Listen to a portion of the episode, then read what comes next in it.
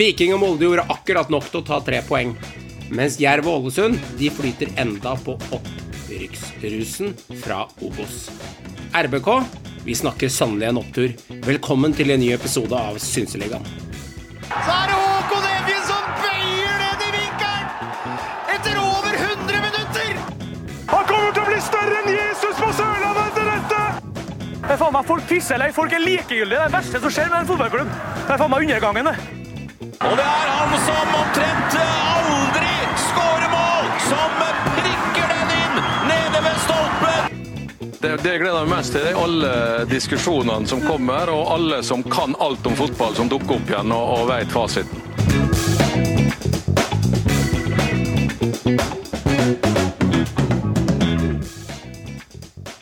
Da, gutter, var det vel blåst første serierunde.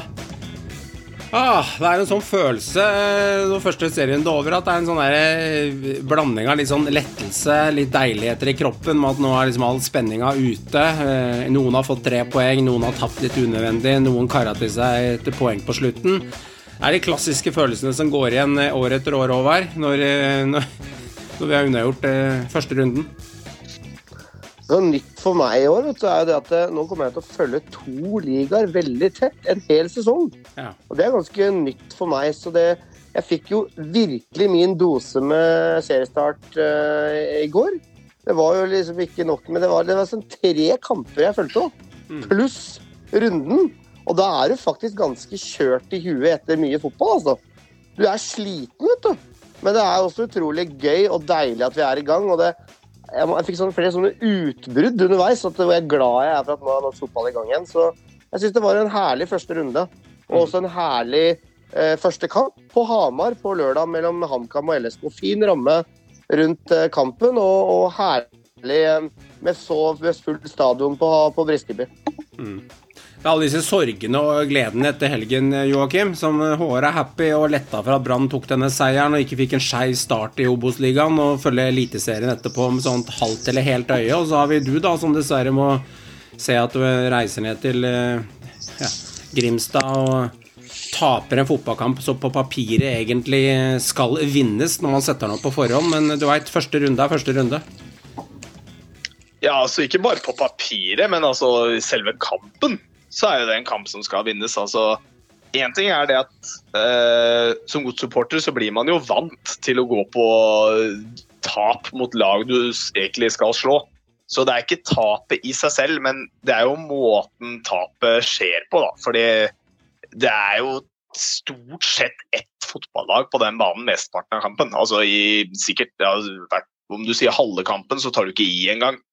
Eh, Så det er, det er måten den eh, kampen ble spilt på, måten den kampen ble avgjort på, som er eh, det er det som er irriterende. Men det kommer vi sikkert mer tilbake til hvis vi går gjennom kampene etterpå. Men eh, nei, det Jeg hadde liksom litt troa med den preseason, har vært litt oppe og har liksom bøtta inn mål i hele preseason, men de sliter jo med akkurat det samme som de sleit med i fjor. Det, ballen skal jo ikke i mål for fem flate øre. Nei, godset er ustabile. Så ja, nå får du besøk av Molde til helga igjen, som vi også kommer tilbake til. og- Ja, men da vinner vi jo, da. Ja, så da er det ikke noe problem. Stemmer det. Den, den kampen vinner. Så, så det, det det, er bare. det er faktisk Molde ganger to nå, for det er både torsdag med cupen borte i Molde, og så er det serien eh, til helga. Ja, det, det blir Så- det, Ikke sant, så da får de en sånn hjemme og borte der, ja. Kan du terpe litt? Han kan tape i cupen, Ja. da, ta tre poeng i ligaen. Men hvem er viktigst? Cupen begynner å bli ganske viktig nå også på slutten her. Ja, Stormens eh, cupfinalen nå. Ja, det betyr litt. Det gjør det. Ja, altså, men nå skal det sies da, det er jo ganske, altså, det er ganske positivt da, å være altså Godset står igjen i semifinalen med ja, de tre kanskje beste fotballagene i hele Norge. da. Ja. Så der er, det, der er det jo ganske godt uh, selskap, vil jeg tørre å påstå. Så å komme til semifinalen, der ryke i semifinalen eller finalen der, er jo ikke akkurat krise. Men når vi først har kommet så langt, så sier det seg at vi vil jo helst uh, gå hele veien. Det kommer liksom sånn, lurer seg inn fra sida, den der cupen nå. For det føles så rart at det nå da plutselig er det semifinaler. Ja. Og så er det altså- snart, og så er det snart cupfinale i, eh, i Det blir vel spilt i mai, er det vel? Ja, Jeg, Jeg fikk ikke med meg kvartfinalen. Jeg. jeg fikk ikke med meg kvartfinalen. Plutselig bare gikk jeg på VG og så bare Å ja, godt, å ja, de har spilt Sandnes Ulf. Vi har jo snakka om her. Vi jo vi gjorde det, men selv da så Ja, klarte jeg ikke å sant? Nei, koble det, det er så rart, for vi er jo ikke, er jo ikke vant til at cupen er nå. Nei. Ikke sant? Og, og snart så begynner jo fader meg runde én igjen. Ja. eh, I årets cup. Så det blir jo litt sånn rar hele greia, men nå er vi jo til semifinaler, da. Det, det her var sånn unntakscup det året her, mellom Ja, ja, 2021 ja. og 2022. Det blir Det blir ikke sånn det. igjen. Altså, jeg tror de skal sånn igjen, nei. klare Nei, nei, å avlegge cupfinalen i oktober-november i 2022 på normale Det er egentlig to cupvinnere i- cup i 2022 med unntaksåret. Ja, ja, det er greit. Det og det verste er at sist vinner av cupen, det er jo Viking i 2019. Stemmer det. Ja, Altså da, er. Når du begynner å si at det er 2022 nå, i år skal vi egentlig ha to vinnere da, også Om fem-seks år, da, når vi kommer fram i løypa her nå, så begynner det sånn Husker du det året da Viking vant i Var det 2021 eller 2022? Nei, det stemmer ikke, for det var året før enten Bodø-Glimt, Viking, Molde eller Godset vant i år. Og så, Nei, men det var jo 2019. Nei, det stemmer ikke, Johan, for det var ikke toårspause. Jo, det var det. Det var toårspause over. Nei, jeg er usikker på om det var toårspause. Var det 2020 eller 2021? Jeg tror det at Viking vant cupen i 2019 nå, var det kommer til å bli sånn quiz-spørsmål om ti år Ja, i, i pubquizene land og strand rundt. Hvilket år vant Viking cupen sist, og hvem vant etter? Og så må man hoppe over tre ledd, fordi da må man snakke om 2021 til 2019, og så må man glemme 2020 over. Men tenk på det, at Viking kan ta to titler på rad.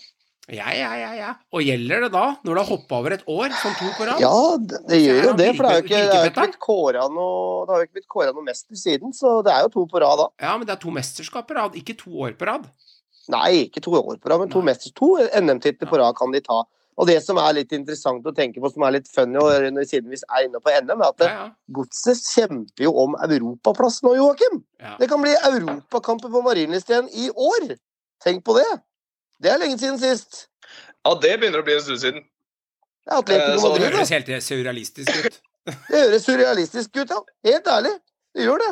Ro- Godset kjemper om europaplass. Ja, Det gjør de. Det er sykt. Meran er ikke med oss i dag. Han er dessverre blitt syk. Jobba litt mye, kjente noen snufs nedentil i hals og, eh, hals og kropp og skjelett. Og da endte det med at han måtte stå over i dag. Så eh, da fikk vi fletta inn eh, den kvoten for HVs favoritt. Det er lenge siden sist. Episode 34 ble kropp og skjelett nevnt sist, og nå ble det nevnt igjen. I godt opp på 130-tallet. Så herlig.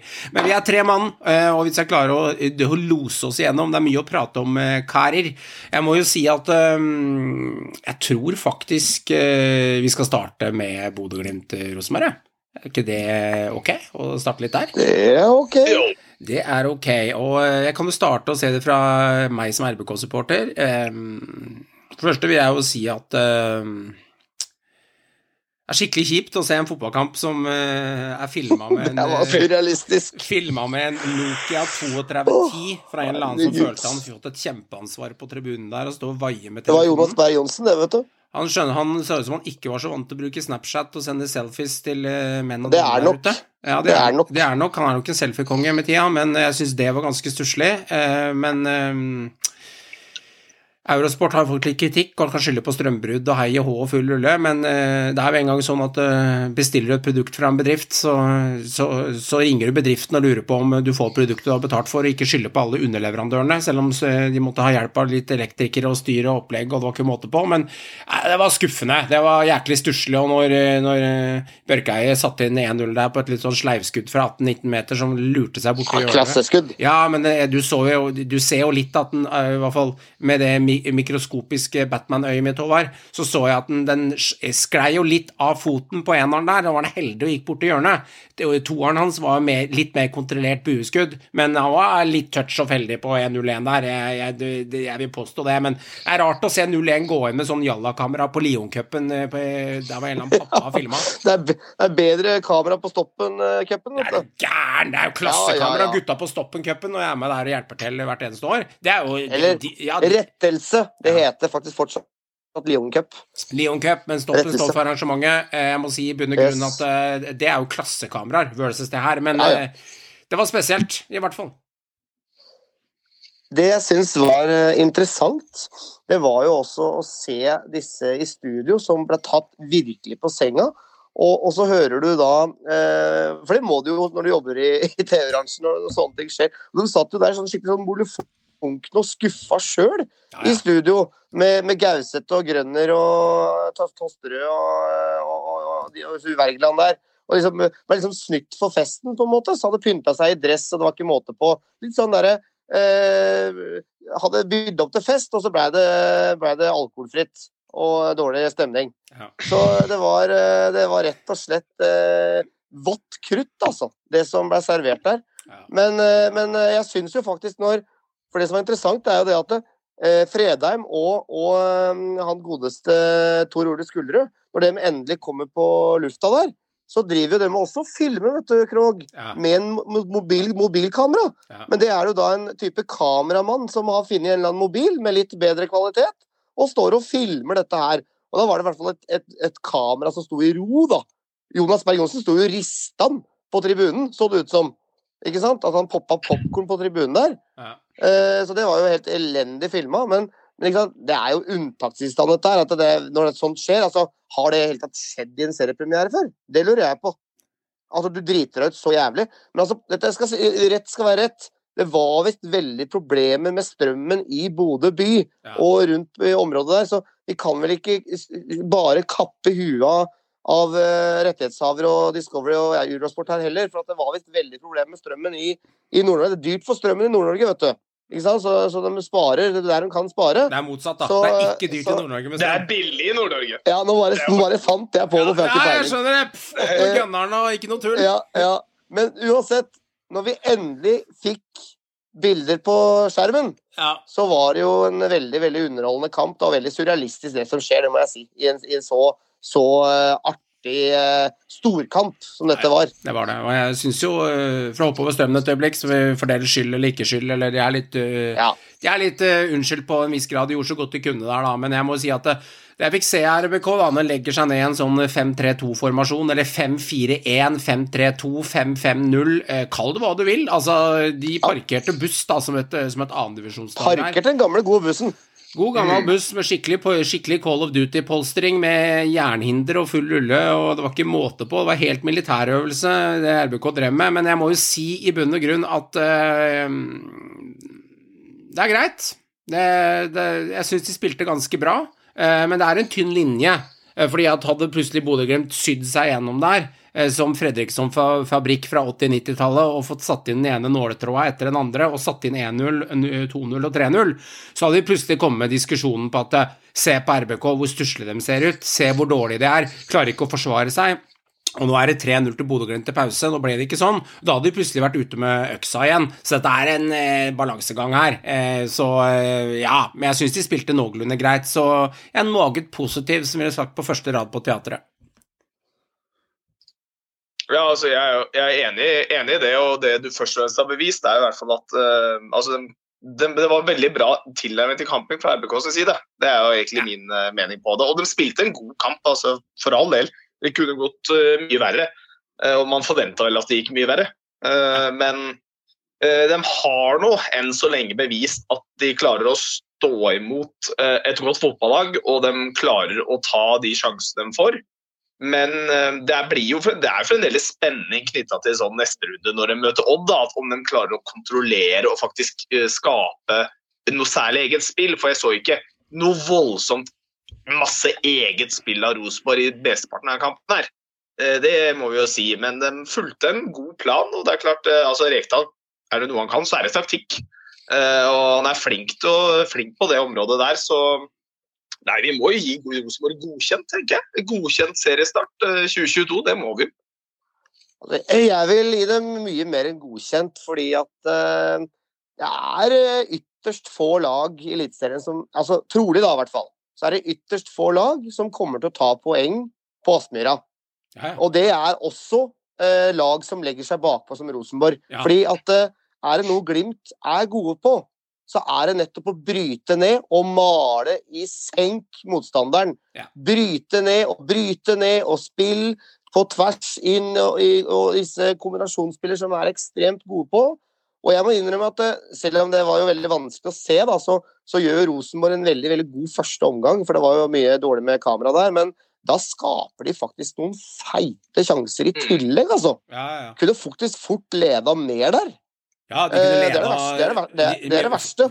Flere, sier jo at RBK var eh, på Altså, de får ikke til spillet sitt, som Joakim er inne på, men på kontringene og det de får til av, eh, av sjanser Altså, Jensen har to stykker der, nye Viktor Jensen. han har to ganske fine. De, har, de har en i tverrleggeren. Altså, Ja, Holmen, og så har de en i tverrleggeren som ikke kommer med på videoene, fikk jeg høre i etterkant. Så de har flere. De, har flere. de, kunne, de kunne også ha vunnet den. De kunne ha vunnet den ja, de kunne det. De kunne. Fordi det som er, det som er interessant, og det som jeg, jeg så, da, eh, som er jo nøytral tross alt når det gjelder RBK og Glimt, og, og jeg trodde jo på mange måter at eh, OK, eh, her får virkelig Rosenborg opp til eksamen, og de har kommet fra 0-3 mot Raufoss. Det er faktisk det de kommer fra. Det må vi huske. De har vært elendig preseason. Altså, om det er klart da å rette på ting bare på en snau uke, og klarer da eh, 2-2, og også faktisk er nære seieren, hvis vi skal være litt snille, Ja. så, så er det en ekstrem stor prestasjon. Og kampplanen til Rekdal, den fungerte jo perfekt. Fordi at å stå høyt mot Glimt, og skal prøve å spille ut Glimt, det er bare å spørre Roma hvordan det gikk.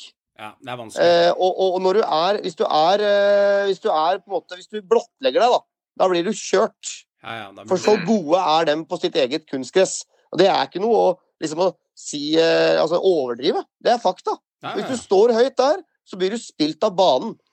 Og, og, og, de, og den, den uh, uh, inngangen til kampen av RBK, uh, det, det, det syns jeg er helt, helt riktig. Men, men igjen, som Joakim er inne på, du kan ikke opptre sånn her på en hjemmebane på Lerkendal når du skal underholde. Du kan ikke ligge i 5-5-0, eller, eller er vi snille, 5-4-2, da. Ja, Ikke sant? kan Du kan ikke det, ikke sant? Du kan ikke det på, på Lerkendal. Men i sånn type kamp som det her, så syns jeg det var på mange måter helt riktig. Og du ser da Mm. at det bor mye i de RBK-gutta med tanke på ferdigheter og tempo. Tempo på RBK, det syns jeg var interessant, for jeg har ikke sett så høyt tempo i et RBK-lag på mange år. Mm. Og det er mye ferdigheter i laget. Og jeg syns også Forsvaret, faktisk, selv om det glipper én gang, da skårer jo Glimt. Eller glipper flere ganger, da. Når de feller Pelle og, og ikke klarer å markere ut Espejord. Og så er det selvfølgelig et par andre, og Hansen har noen gode redninger der. Men, men de sto imot ganske bra. Det syns jeg de gjorde. Og de ofra seg skikkelig i boksen der. Så det syns jeg vi skal ta med. Og så ser vi selvfølgelig fortsatt at Glimt er et meget godt lag. Og Nei, de det trenger jo ikke til å være. ikke- Selv om jeg greier ikke å diskutere en eh, straffespark altfor mye. Det er nevnt lite i media, og jeg syns straffesparket til Pelle er å gjøre seg litt til på sida der. Jeg syns det er noe billig. Eh, det mener jeg. Eh, Det er kontakt, og han er rutinert. Eh, han er litt rutinert. Han utnytter det faltet kan gjøres. Han skjønner at Glimt krenger den skåringa, og dommeren kan blåse. Jeg syns den er kanskje touché billig, men igjen, det er greit. Det er kontakt, så du kan blåse. Vel bevares. Enig. Eh, men 2-1-målet til Glimt med Espejord der, jeg syns det er svakt av Vagic og Henriksen, som eh, Vagic er litt lav der, men Henriksen har iallfall høyden og fysikken til å rydde unna den. Han lar den gå over huet på seg. Jeg syns det er litt svakt stopperspill. og men det er greit. 2-2. Det er helt overkommelig. RBK kunne vunnet den, de kunne tapt den. Altså, jeg syns de spiller bra. Men det viste en sånn moral i RBK da, når du ser dem juble på, på, på, på litt sånne 80 %-sjanser til Glimt som brennes. Og Tagesetten går bort og gir en klem der og, eh, til Hansen. Og de er virkelig får se en annen side av Rosenborg vi ikke har sett før. Eh, Tagesett i kampen var helt enorm. Altså, Hva som har skjedd med han? Har han fått bjørn? Beste kampen han har Har han fått Bjørn. Dæhlie-lunger eller i løpet av vinteren? For gutten løper jo, han løper jo opp, han spilte jo back, han Han spilte løp, sokka seg. Han var helt sinnssvak. Altså, han tror jeg kan få en vill bra sesong. Altså. Og Rosenborg viser en annen dimensjon også, Joakim, som er litt interessant i matchen. At eh, Vecchia er en spiller du skal passe deg litt for på Fantasy 2022 og, og bruke 8-10 millioner kroner på. Eh, fordi at han er en spiller som Rosenborg eh, fort kan bare totalthvile i en sånn match. Fordi at han er litt lat defensivt, og hadde de brukt han i denne matchen for å få et X-moment, så hadde de blitt slitt kjørt. blitt kjørt, fordi Tagsetten har sånne fyrstikker som løper som rakkeren, og det har ikke han, så det vil si at eh, han hadde kanskje satt inn en scoring ved å fått et eh, mulighet til en skudd fra 22 meter, for han har den X-faktoren i seg, men du hadde kanskje sluppet inn for mye innlegg med Samsted, som gjør at du hadde tapt kampen. Så det vil si, Rekdal kommer nok til å være mye smartere i laguttakene mot Odd igjen hjemme nå, hvis Vekke er klar i løpet av uka, så kan fort han spille, og han kan fort bli matchavgjørende òg. Ja. Det er akkurat det jeg tror vi kommer til å se mer av RBK. Han kommer til å ta ut mer spillere som passer til eh, det type kampbilde Ja. som han har forutsett. Og, og, og eh, når du har eh, sånn som Dahl Reitan på motsatt høyre wingback, og så har du Tageseth altså ekstremt løpssterke typer som raider opp og ned og jobber sokka av seg. Og så må jeg også trekke fram, faktisk, eh, selv om de glipper ja på Espejord og et par andre ganger, så syns jeg at uh, Gian Pauli og Henriksen og Herregud, tredjemann, hjelp meg, Krog.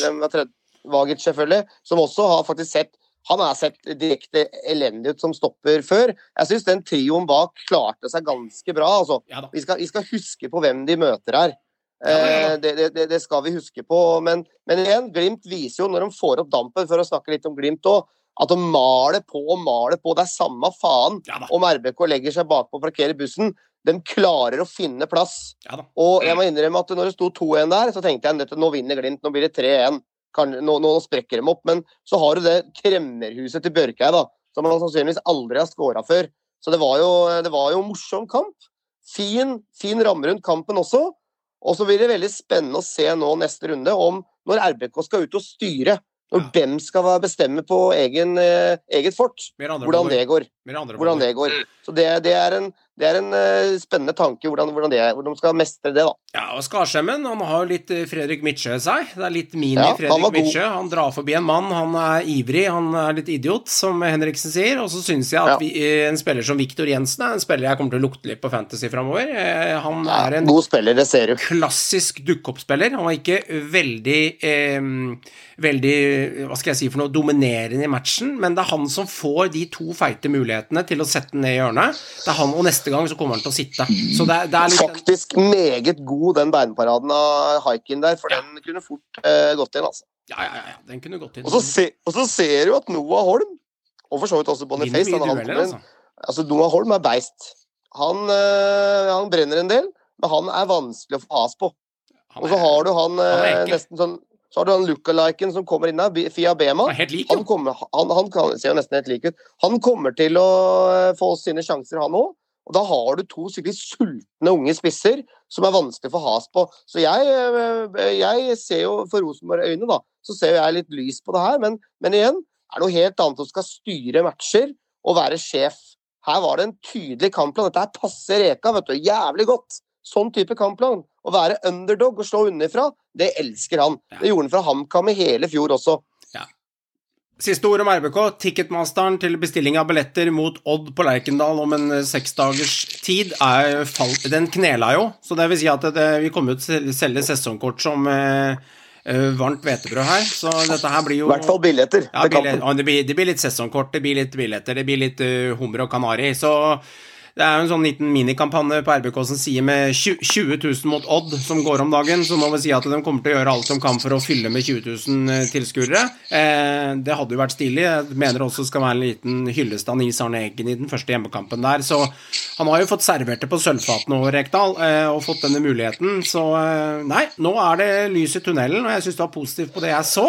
Eh, og så får vi se hvordan de skal ut når de skal virkelig dominere og bestemme. Eh, så det, det blir andre boller.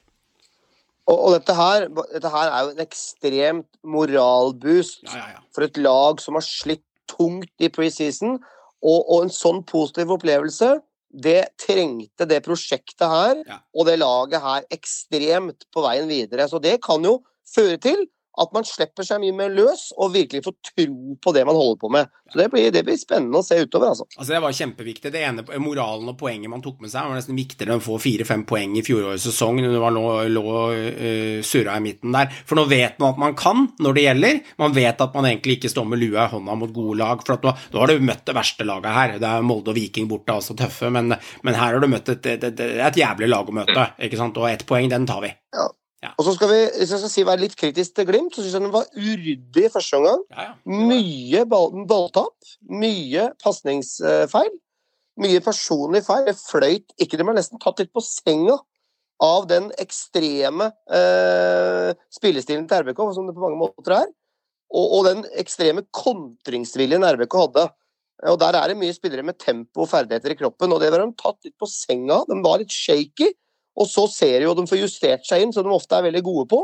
Og så er- ser man hvor gode Glimt er i andre omgang.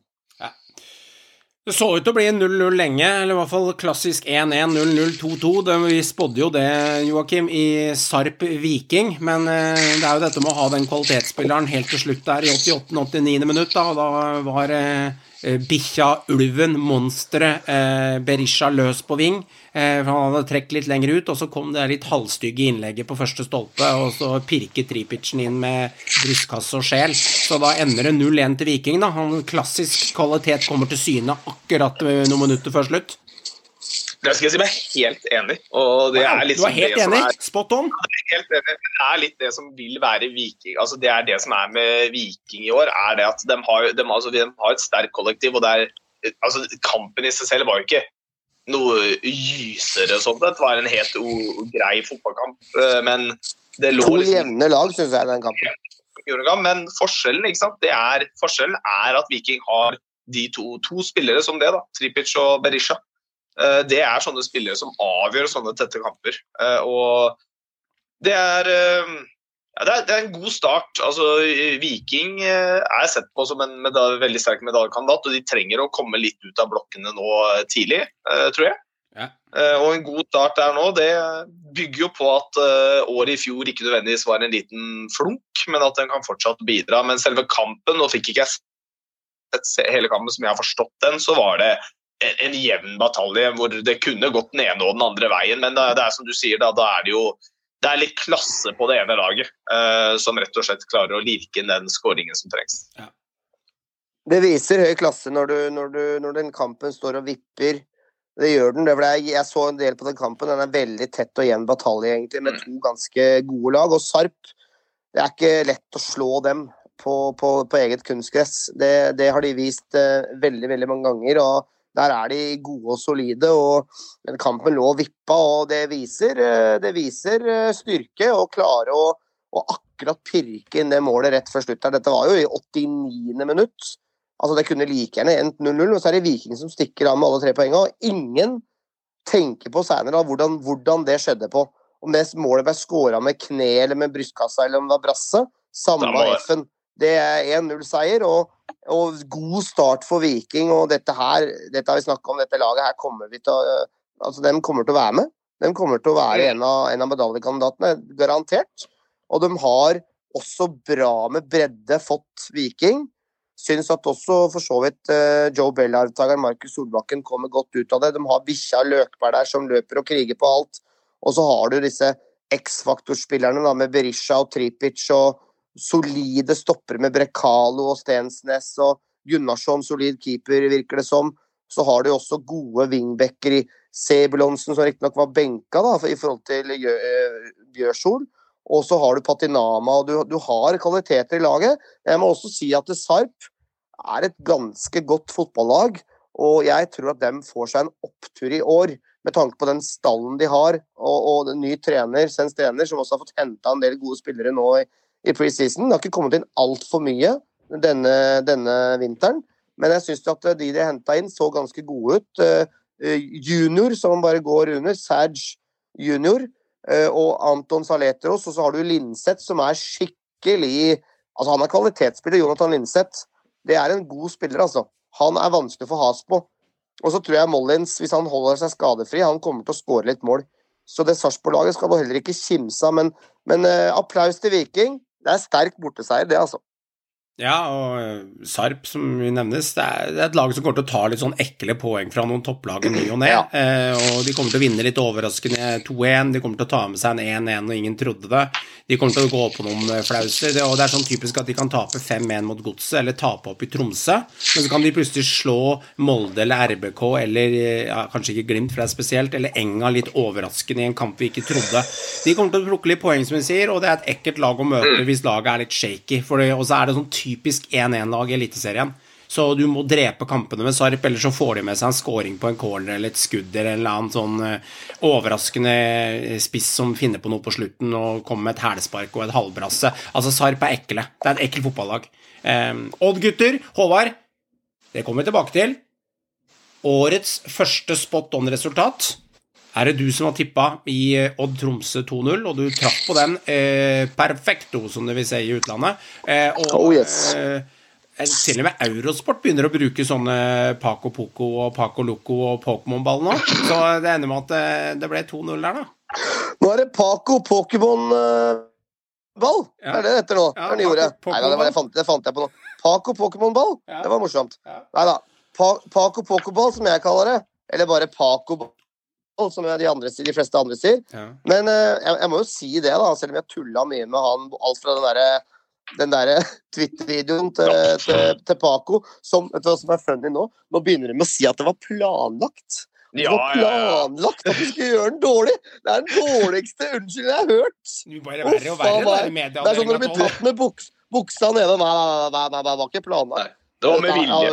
Det var med vilje, det her. Ja, ja, ja. Dette her dette var humor fra vår side. Da kommer den fete kommentaren. Det er en langsiktig plan bak det. Å, herre min hatt. Nei, jeg dauer. Men, men hva så spillet til Odd, da? Evigunge Espen Ruud bare starter med å banke den inn, altså, i kassa der. Han er faen meg snart 40 år, den eh, gamle knerken. Så det, det er gøy å se. Og så syns jeg at eh, spillet til Odd det er bra. De er egentlig ganske dominerende mot Tromsø. Og ja, Tromsø har noen farligheter med Baye osv. der, men, men eh, det Odd-laget der ser ut som det rett og slett har blitt litt bedre, altså. Eh, At Paka har gjort en del gode grep. Og Jetovic skårer mål. Det er jo en spiller vi husker tidligere både fra Glimt og RBK-tiden, der han var en farlig herremann. Det Kanskje angrepet han... var søren meg lekkert. Ja, ja. Klasse. Kanskje bra. han kommer seg litt opp på gammelt nivå. Så har jo Odd en, eh, en god poengspiller der. Og Tobias Lauritzen er vond å møte. Jeg tror ikke Flamur kommer til å spille veldig mye der, for å være helt ærlig. Så, så det er god start for Odd, og, og viser at de har tatt et steg i vinter under Paco. Altså, dette, dette er en sånn Det var en sånn god gammeldags Odd-kamp, dette her. Ja, sånn, faktisk. Ganske, egentlig ganske solid. Jo, men det går litt begge veier, fordi Odd har alltid sluppet til. Men av en eller annen grunn, Odd, tidligere Odd jeg liksom husker nå, nå er vi jo en god stykke tilbake. da. Da var det et gjerne lag som hadde den de, de slipper til sjansene, men de slapp ikke inn noe særlig mål. Altså, det, det, det ble liksom ikke noe. Eh, Så det blir en, egentlig en veldig som du er inne på, en veldig kontrollert seier, selv om kampen går litt fram og tilbake. Ja, og. Så, så er det allikevel de får det et ganske tidlig mål. Det, det var vel veldig tidlig mål, det var vel Ja. innenfor sju minutter eller noe sånt. var det- husker jeg ikke helt eh, i hodet, men i hvert fall tidlig i kampen. Og så får de da 2-0-skåringen, og alt virker så kontrollert og OK, da. Eh, Så jeg må si Odd imponerte litt, selv om jeg var ikke noe Jeg regna med at de kom til å slå Tromsø eh, borte. Eh, jeg har jo ikke, noe, har ikke vist noe voldsomt tro på Odd i år, men jeg har jo enda mindre tro på Tromsø, og spesielt borte. Så det overraska meg ikke. Men eh, det overraska meg kanskje litt at eh, som du er inne på, at det, er, det var liksom egentlig ganske kontrollert. og en, altså Det var rett og slett en gjennomført godt kamp av Odd. Eh, og det lover jo godt, da, så kanskje Odd faktisk kan positivt overraske litt i år. Eh, det er jo en stund siden nå, føler jeg. Ja, jeg er imponert selv, jeg. Det er um, det, Odd er jo Vi har liksom dømt dem litt sånn som det kjedelige laget, og kanskje vi har forventa mer av dem, men uh, kanskje det er der Odd skal være også, som klubb. Uh, ja, det er eh, greit å gjøre litt narr av han Paco. eh, Paco. Eh, vi er litt på bekostningen av det, men selv om det er litt som flørten kommentar fra oss eh, supportere også. Men det er ingen dumskalle han trener. Han har vært med en stund, og er, selv om vi kan le litt av medieopptredenen hans, så har han jo peiling på det han driver med, tydeligvis. Så Han har vært trener i 20 år, som han sier, Ja. så ja. dette er en kar som veit hva han driver med, så vi får se hvor langt du kan føre han. Men Jevtovic er en litt småekkel spiller, og han er en spiller som Jeg husker de curlingmålene han hadde i RBK, og det hadde han også i Bodø-Glimt. Han, han, han er bra, altså. Og han er en spiller som kan stelle seg an uro. Eh, Så eh, uten tvil 2-0. Det er sånn eh, klassisk Odd, Oddving, med stor fart og Ja. kan utfordre der. Og liksom Odd, vi husker Odd når de var eh, ordentlig gode for en del år siden. Så, og han Konrad Vallem også har kommet eh, veldig fint i gang i, i vinter. Og, og så har du disse unggutta, da. Og så har du jo han eh, Bakai som har eh, gjort underverket på bekken og henvist rett og slett John Kitulano til benk. Mm. Eh, og det er jo ikke noe å kimse av. Eh, Filip, Jørg Filip Jørgensen og Joshua Kitulano Du har plutselig liksom et ganske ungt, litt sånn fremadstormende lag som plutselig ser litt spennende ut. Eh, det er liksom etter, plutselig ser de litt spennende ut. Så det blir spennende å se fortsettelsen. Men jeg tror ikke Odd liksom kommer til å komme så veldig høyt på tabellen, men om man skal være nede i sumpa, det, det begynner jeg å føle meg litt, litt trygg på at de ikke kommer til å gjøre. altså. Jeg er ikke trygg på en skitt, jeg. Det har gått én serie. Nei, så, nei da. eh, Men vi, jeg vi er synser i vei. Vi synser i vei. Ja. Eh, Joakim, har vi driti oss ut alle mann, eller? Siden vi igjen eh, hopper over, eh, hopper over eh, den magiske bekken vår og eh, glemmer Ruud alle mann og tenker at eh, ja, det er for dyrt. Det er for dyrt. Altfor dyrt. Han er for, han er for gammel. Han er for Han er for gammel. dyr. Så går han rett ut av blokkene og herjer, og det kommer til å komme frispark assist, og det er ikke måte på. Så nå begynner eh, panikken å spre seg til runde fire, fem og seks, for gutten skal jo levere i år òg, så eh, har, vi gått på, har vi gått på en blemme, de fleste av oss?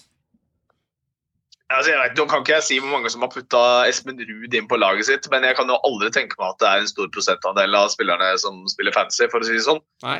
Men det er grunn til at jeg stiller Eh, spørsmål, er en grunn til at jeg stiller spørsmålet, fordi at det er kun, kun 3% som har putta den inn på laget, og tar Ja. du tre år tilbake i tid, eh, så var vi oppe i 30% så nå er det ingen Ja, som skal putte han lenger inn på laget, for han koster jo 6,5 mil.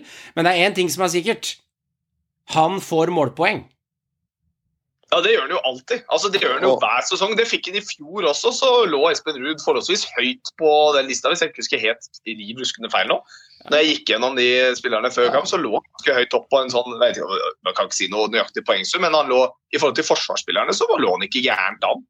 Eh, Og han er eh, altså han, det er jo mye rutine i den mannen. altså Det er enormt med rutine. Eh, Så det er klart han veit hvordan han skal spille fotball, og han veit den foten hans blir jo ikke dårligere med åra, for å si det sånn. Nei, det blir wildcard. bli- Nå blir det wildcard. Ja. Nå orker jeg ikke mer. Nå må Ja, det er bare å få den rett inn, bare luke ut alt annet av dyre forsvarsspillere du har, og så får du heller leve med det andre enkle spillere på sida. Altså, Espen Ruud er faktisk 38 år. altså Er det noen som er eldre i ligaen? Eh, Det er jeg egentlig usikker på. Det har ikke jeg i huet nå, men han er jo i hvert fall blant de eldste. Ja. Jeg er ikke så sikker på om det er så fryktelig mange som er eldre enn Espen Ruud. altså. Nei, det er, det er et godt poeng. Det er et godt poeng å være, og er vel rundt der et sted. Så, så uh, syns jeg at Tromsø det, det var ikke så utfattelig spennende. Men jeg ser jo at han i Baie, i Baie kan skåre litt mål kanskje da. Han var jo litt farlig frempå noen ganger, og det er jo for så vidt en ganske OK spiss. Men de kommer til å Nei, Tromsø har jeg ikke sånn veldig trua på også. Det er et lag som, eh, som er seige på Alfheim, det veit vi. Men, eh, men borte, borte eh, vekk fra Nord-Norge der, eh, på, på Jeg tror de kommer til å få det tøft flere steder i Tromsø, altså. Jeg syns de eh, Ja, ikke overrasker det hos meg at de taper, for å si det sånn. Og det tror jeg kommer til å komme en del tap. For det var et lag som inntil De var gode på slutten av på sesongen i fjor, på høsten. Når liksom det begynte å røyne til der, så plutselig så hadde de kniven på strupen, og så begynte de å ta en, mye, en del poeng. og og, og nekta på en måte å tape. De har de danskene der med han Winther og Westerlund, som er for så vidt ganske OK, og gamle, gode Ruben Yttergård Jensen som styrer der, og spennende August Mikkelsen osv. Så, videre. så det er jo selvfølgelig noe kvalitet der. Christophe Siquet, god stopper, men jeg syns det ser litt tynt ut, altså. Eh, og eh, ja, det blir spennende å se videre. Det blir spennende å se. Eh, gutter, tar jeg litt av, litt av Har vi tatt eh, halve ligaen cirka med resultatene? Nå tenkte jeg vi skulle snakke litt fantasy, faktisk, eh, og prate litt om det.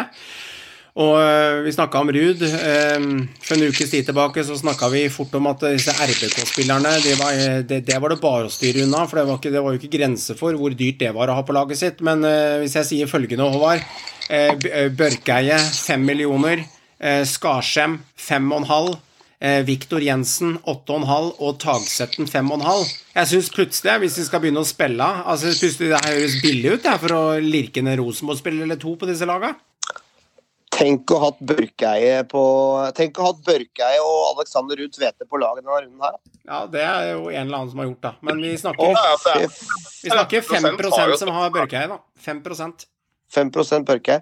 Men altså, altså ikke sant? han har jo, sa det jo sjøl, han, han husker jo ikke sist han har skåret to mål i en kamp. Om han i hele tatt har gjort det sånn. Han har skåret to mål i karrieren sin, fikk jeg høre.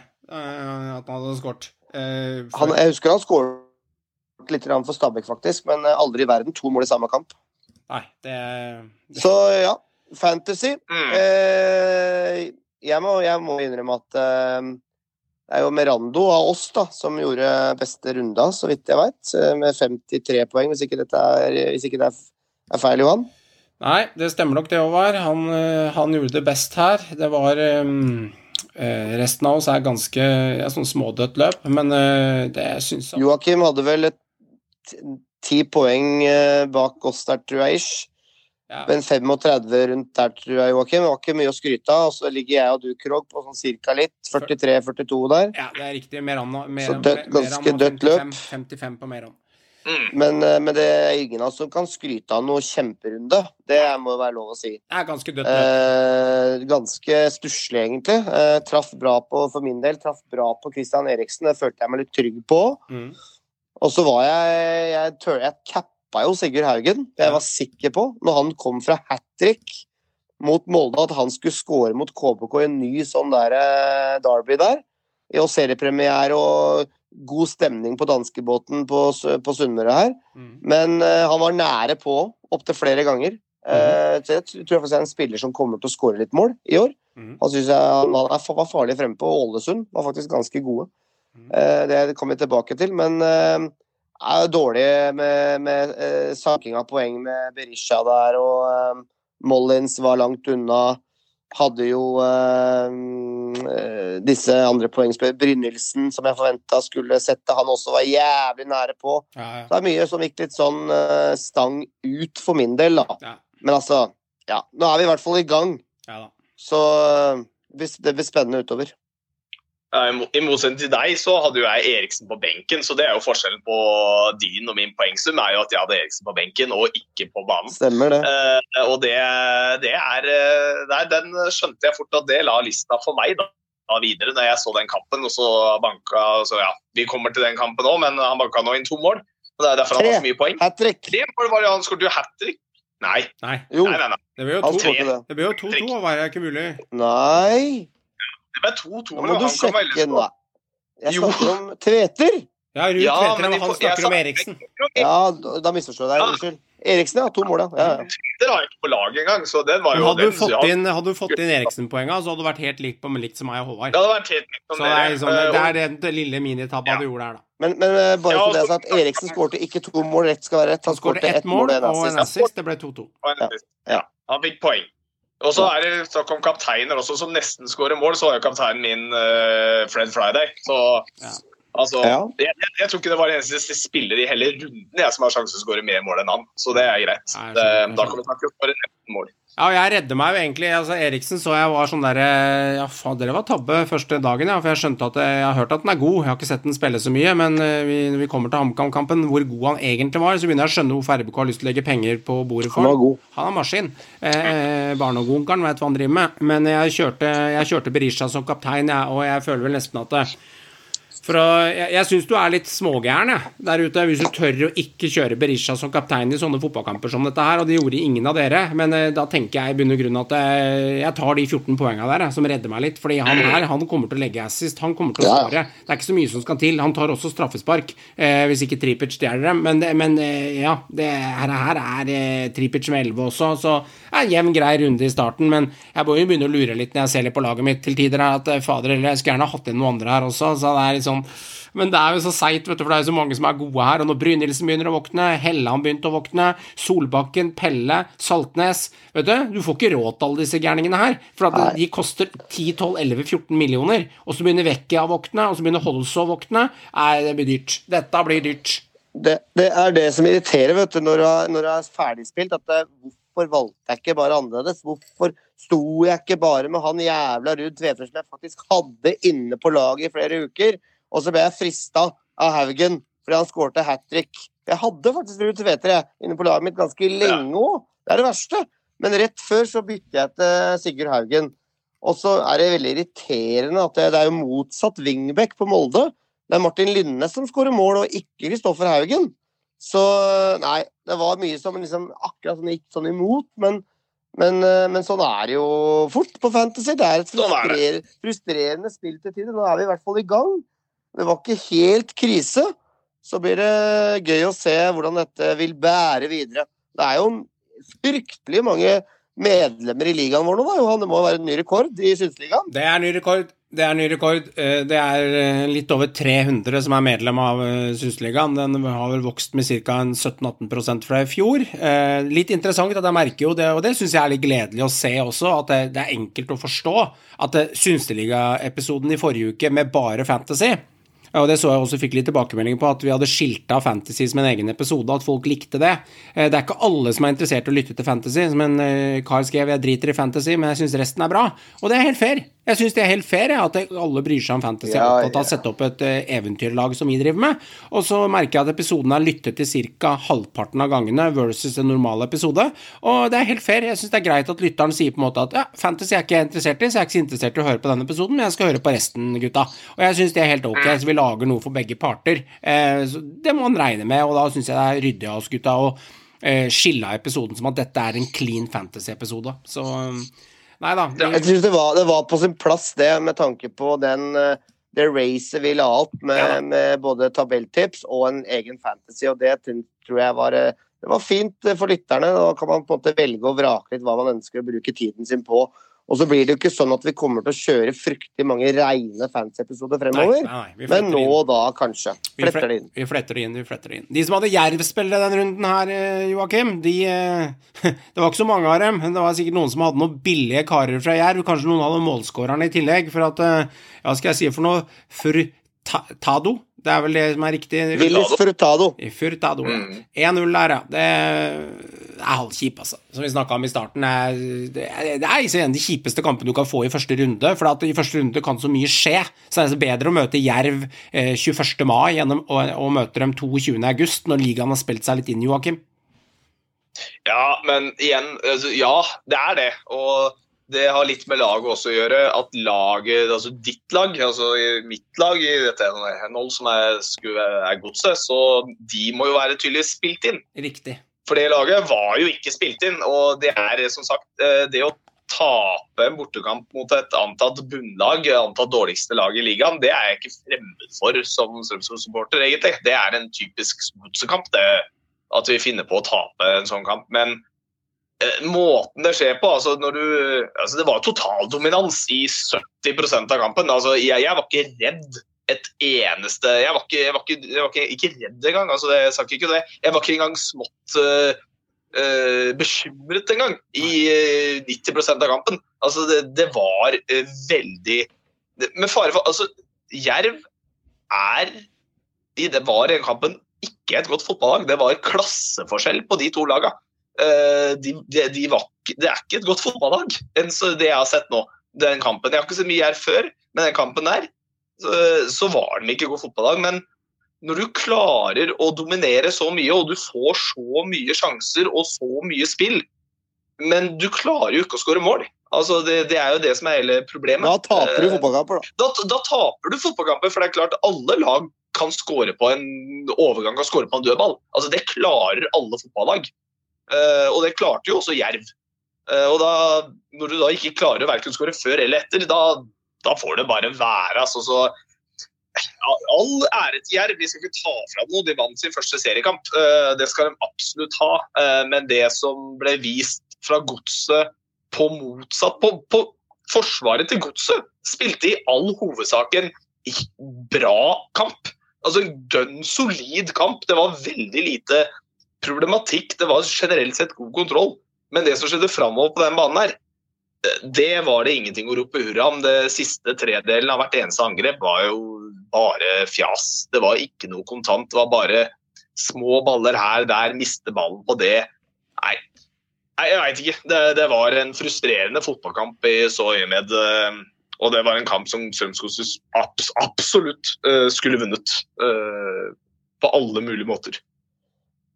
det, det som eh, alle nyopprykka lag har, det, det så man også på, både på i Ålesund og, og i Hamar, det er jo det ikke sant? Det engasjementet på at nå er vi et nyopprykka lag. Mm. Nå har vi fullstatt stadion. eh, Hele byen er med oss i ryggen, ikke sant. Og de flyter på den oppturen fra opprykket. Og det er jo akkurat det som er så ekstremt viktig for sånne nyopprykka lag, sånn som Jerv, Ålesund og HamKam, å vinne første kampen. Ikke sant? Og det gjør jo eh, HamKam ikke, da. De tar uavgjort, men, men en god kamp mot et godt lag. Ålesund vinner, Og det samme gjør også Jerv. Og det er jo en enkeltmannsprestasjon de, de vinner på. Det er jo de såkalte krydderspillerne. Eh, så de har faktisk en del av Jerv som de må leve på. At dem må gjøre det lille ekstra. Og det målet til Furtado er jo elendig press av godset. Han får jo gå halve banen, og så får han skyte upressa. Og du ser at Viljar Myhra står på feil bein. Uh, han tror nok at den ballen blir kanskje spilt inn som en stikker, og så banker han til med venstre i nærmeste hjørne, og han rekker ikke ned. og Det er jo et godt skudd, men det er jo litt svakt av keeper òg, vil jeg si. Uh, For å være helt ærlig. Det det. Det, Det er mulig å ta. Uh, Han står veldig feilplassert, rett og slett. Veldig som- mange ville tatt som- den og plassert den riktig. Ja. Godt skudd, vel bevares, men, men du, du, du kan ikke slippe inn sånne langskudd i keeperhjørnet. Det, det kan du ikke, mener jeg, altså. Så eh, jeg syns at Jerv de har noe litt spennende ved seg offensivt, men dette er et lag som kommer til å slippe inn mye mål. Det er, føler jeg meg veldig trygg på. Og Godset skapte mye sjanser, som du sier, Joakim, men klarer da ikke å skåre på 100 sjanser. Og ballen Nei. spratt jo, dansa på streken der og smalt i tverrlegger osv. Det var jo fullstendig kaos bak der. Det er jo svakt av godset, da. Og dette, her, ja, det er og dette her er jo typisk Strømsgodset på bortebane, og da særlig på gress. Der er de Ja. elendig. Det har de vært i mange år nå. Og det bortespøkelset må godset klare å rydde unna da, for at de skal klare å bli et særlig bedre fotballag. Det er derfor de ligger der de ligger da, i siste sesongen Ja. også. Ligger litt sånn og vaker på midten og kan slå gode og tape mot uh, Jerv. Og de Hjemme er de solide, borte er de ofte ræva. er litt sånn jumbo hele Ja. greiene, men eh, det er, det er en del av å være godssupporter. Men vi skal gi Jerv eh, tre poeng i hatten her, da, og de rydder unna første hjemmekampen, og jeg må jo si at det, det er Altså All ære til dem, sier jeg. har altså. jo, Ja. For å gjøre sånn enkel matematikk, da. Sånn kjempeenkelt. Har 10% av de poengene de trenger for å overleve i årets liga. For du trenger ca. 30, pluss minus. De har skaffa seg tre, så de er jo i gang. Og det, det er jo det, det skal de ha, altså. De har fått tre Og poeng nå. og jeg er ganske sikker på at de poengene de kommer til å ta, dem kommer de til å ta hjemme på Levermyr. Ja, uh, og jeg, og jeg Ja. fikk sånn der, jeg fikk sånn der Husker du gamle god Kråmyra til Ålesund, Johan? Ja, ja, Når folk satt på sånn gratis haug og grilla, og unger, unger løp, løp rundt og huska det var ikke måte på. Det var jo fader meg satt opp leikestativ på stadion! Det ser du ikke ofte i Eliteserien, altså. Altså, Det var hele familien skulle med, og grilling og tjo. Her er god stemning. Det er sjarm, da. Det er, det er nesten litt sånn breddekamp, vet du. Men det var jo fylt til randen av staden her med 3000. Jeg tar vel en rundt til 3000. Jeg tror det var ganske, så ganske fullt ut. Ja. Uh, og det er, det er sjarm, da. Dag Otto, uh, obersten på tribunen og greier. Ja, ja. Så det var uh, det var sjarm. Og så har Godset en del å jobbe med, og så tror jeg nok Jerv fortsatt kommer til å få det tøft. Men de har jo i hvert fall eh, en del eh, spillere med litt X-faktor som kan kanskje ta litt poeng for dem. Det er fullt mulig. det er fullt mulig.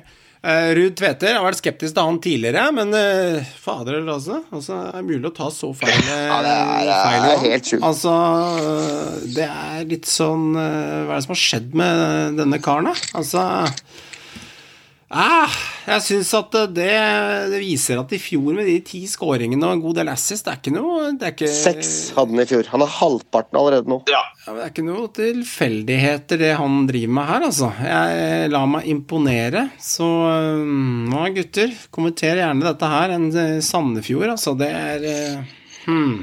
Jeg ble imponert av Ruud Tveter. Eh, Det var skikkelig goalgetterskåringer han skårer. Det er sånn skikkelig spissmål som han skårer på de, de tre gålene her. Han ligger inne i boksen og ruver både på huet og får pirka han inn. Og, og så syns jeg det var imponerende med han eh, gamle RBK-spilleren Franklin Daddysboy eh, eh, Nyentu, eller hva han heter for noe. Nyenge, Eh, nye det- gjeng heter han vel, ja. Han, han var eh, rett og slett innmari frisk på kanten der. Og det er han som serverer vel to av måla.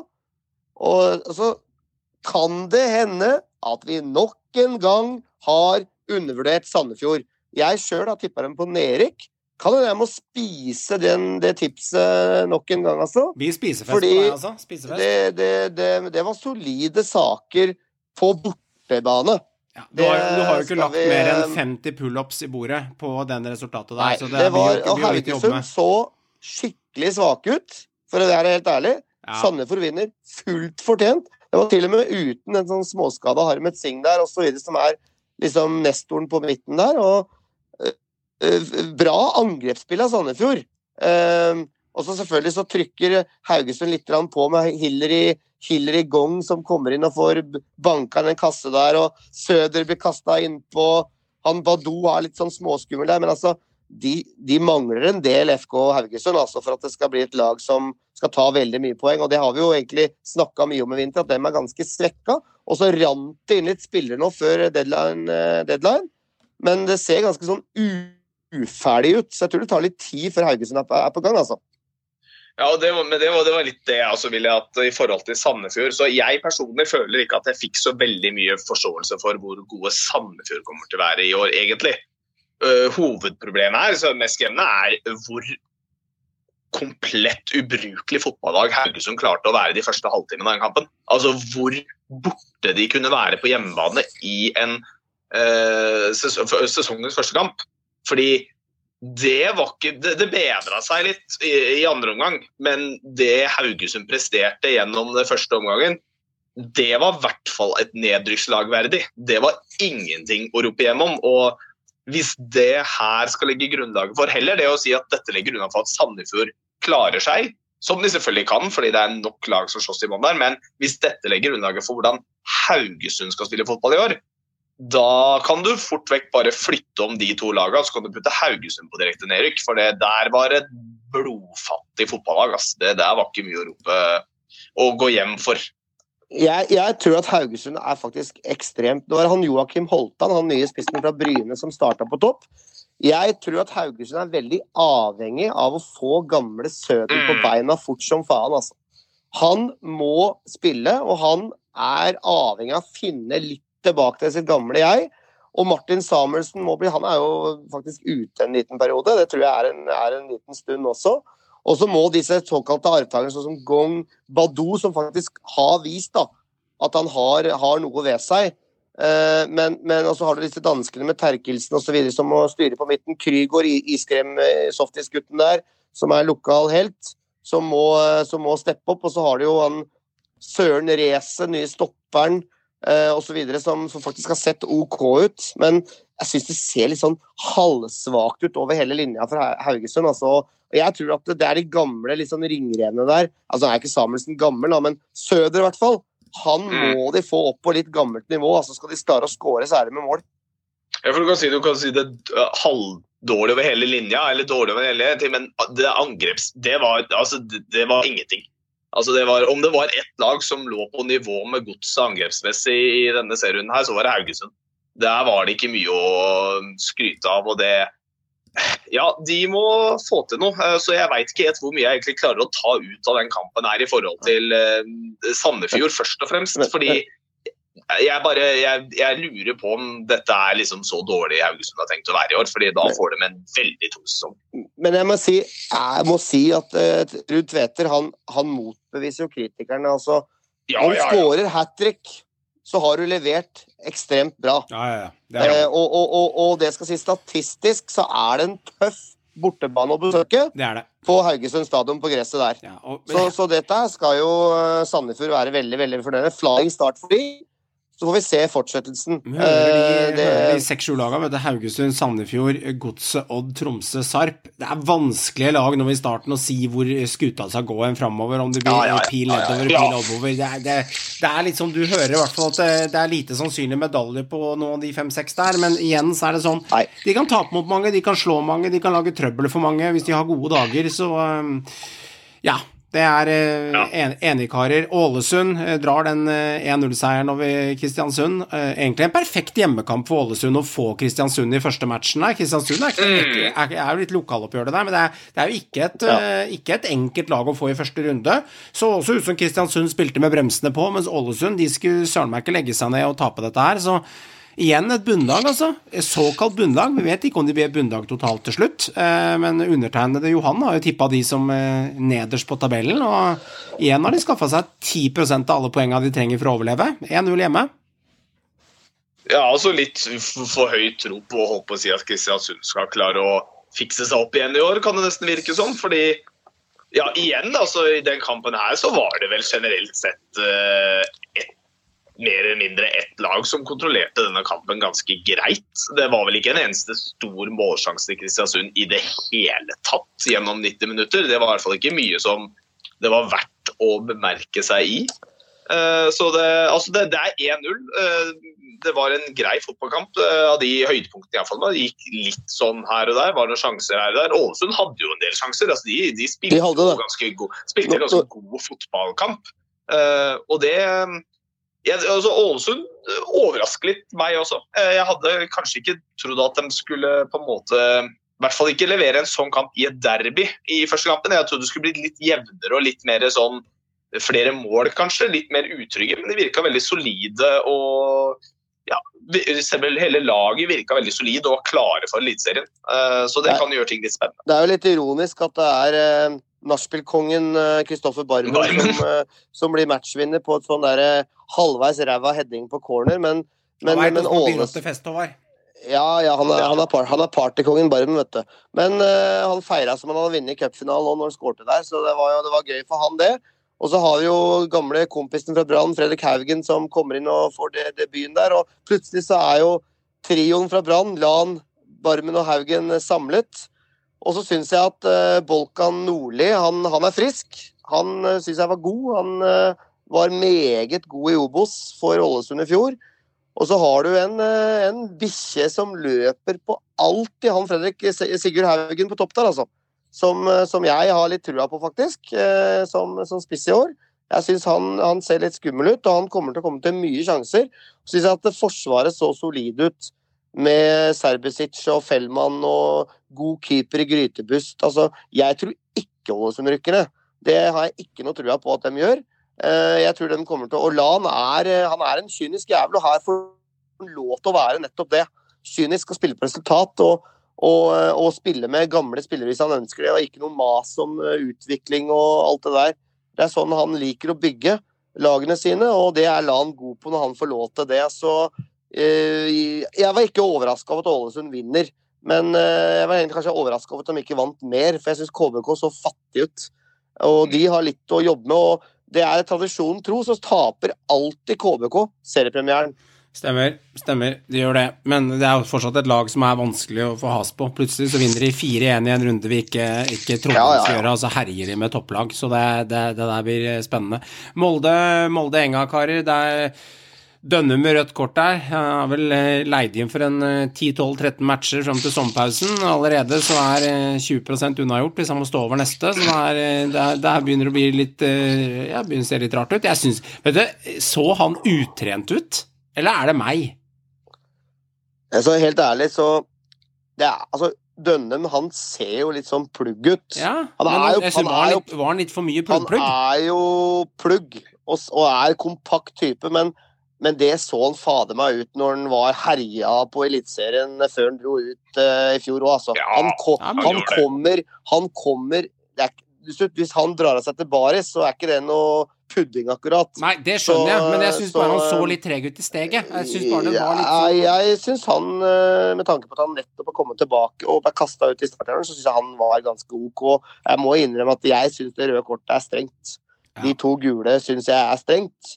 Eh, Det, det må jeg si. Eh, Og det var et Vålerenga-lag som, som eh, ikke var dårlig. eh, Men det er et meget godt hjemmelag de møter. Vi må ikke glemme det. Molde er meget seige på, på eget gress, eget kunstgress, eget plast, plastgress. Så, så Og Molde viser at det er et godt lag. Det er jo nesten litt utrolig at de ikke skårer, skårer flere mål, men, men Enga syns jeg også skaper en del farligheter. Jeg Er nære på med Kjartansson der, altså. I første gang. Det er eh, centimeter utenfor stanga når han klarer å få tåa på noe typisk Kjartansson-stil. Og så syns jeg at uh, Lajoni, eh, når han kommer, inn, han kommer inn, han var ganske frisk. og Dønnem syns ikke jeg gjorde seg bort heller overhodet. Og jeg syns det Enga-laget faktisk nå Jeg tippa dem på sjuendeplass. Det er mulig at det er litt lavt, faktisk. Jeg syns ikke dem var dårlig. Jeg tror det Vålerenga kommer til å ta en del poeng. Og Molde viser at de er et lag å regne med. Ja. Og Datro Fofana, eh, Eikrem, Brynildsen, den trioen der framme. Eikrem kan liksom trekkes ned en falsk nier og ligge og strø litt og komme mye på ball.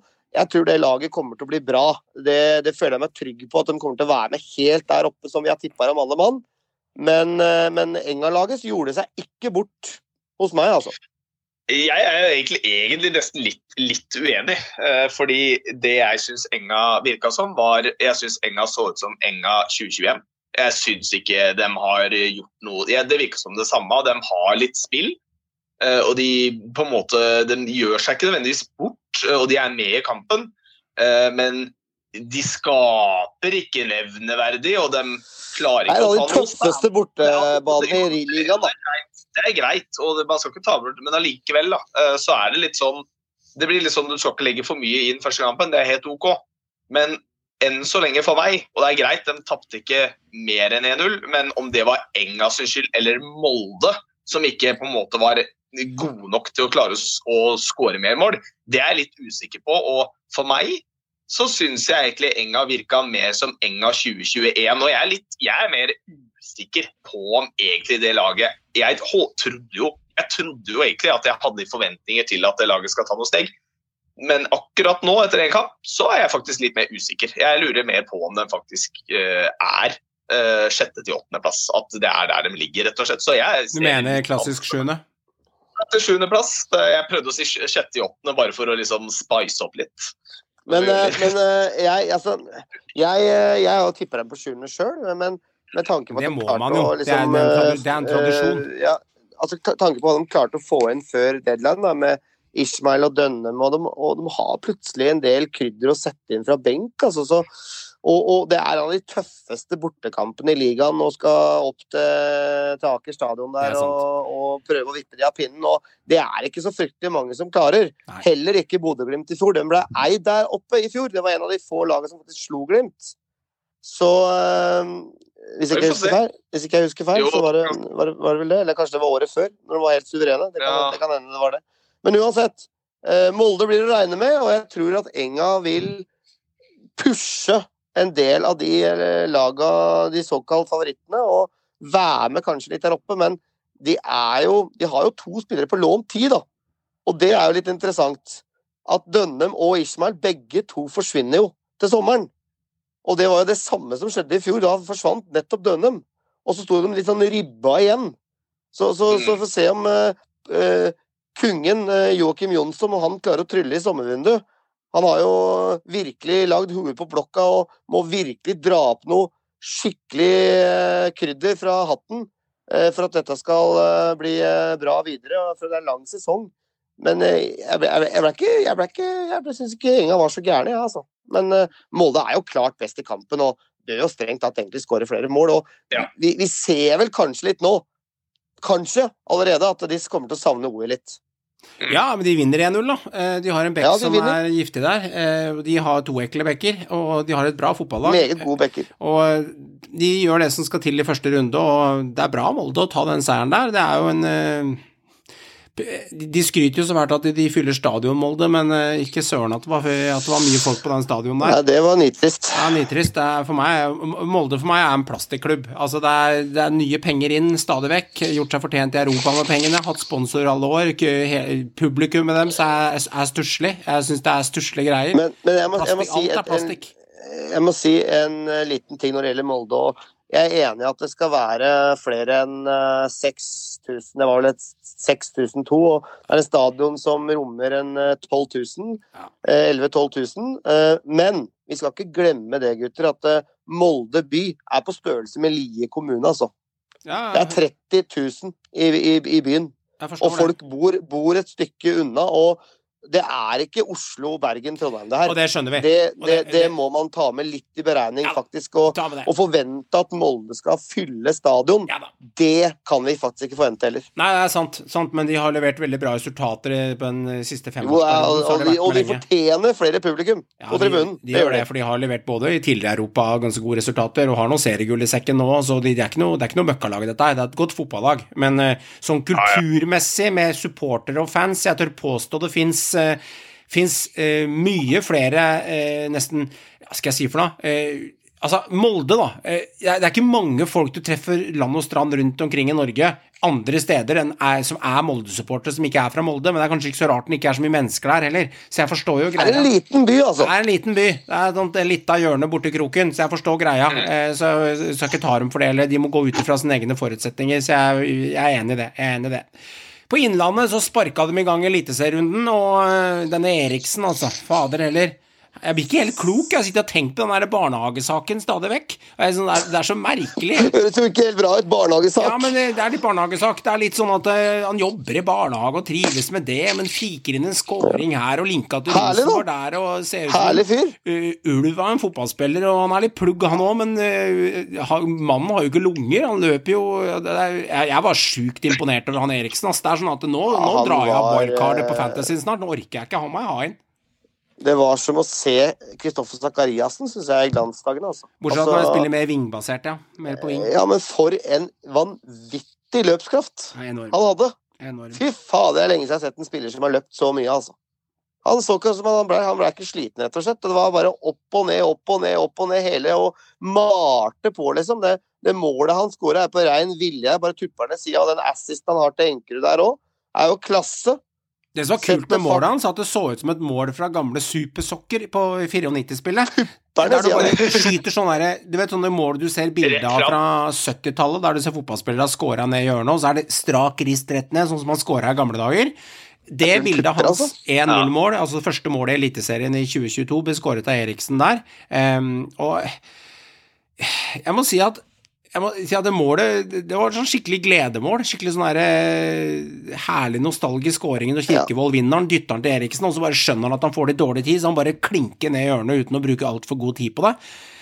Men Lillestrøm de kommer tilbake i matchen. Helland viser seg fram. Eh, to assist der, og ikke Fridtjonsson skårer. Men da har de sannelig en eh, Sogndal Lillestrøm Adams som er rev i boksen der, og får han litt heldig på nummer to der. Demper han og setter han i sida. Det er ikke noe å kimse av det Lillestrøm-laget heller. De kan bli skumle i årets sesong.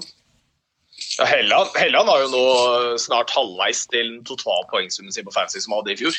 Så han starter jo med et uh, brak, men eh, altså, dette var en sånn kamp som altså, dette, er en, dette var en sånn perfekt første rundekamp. Perfekt start på Eliteserien, fordi det var en kamp som hadde eh, som var morsom og hadde alt, og det var to lag som altså Lillestrøm-spillerne var litt frustrerte der etter at når ting liksom ikke gikk veien etter de to uh, måla.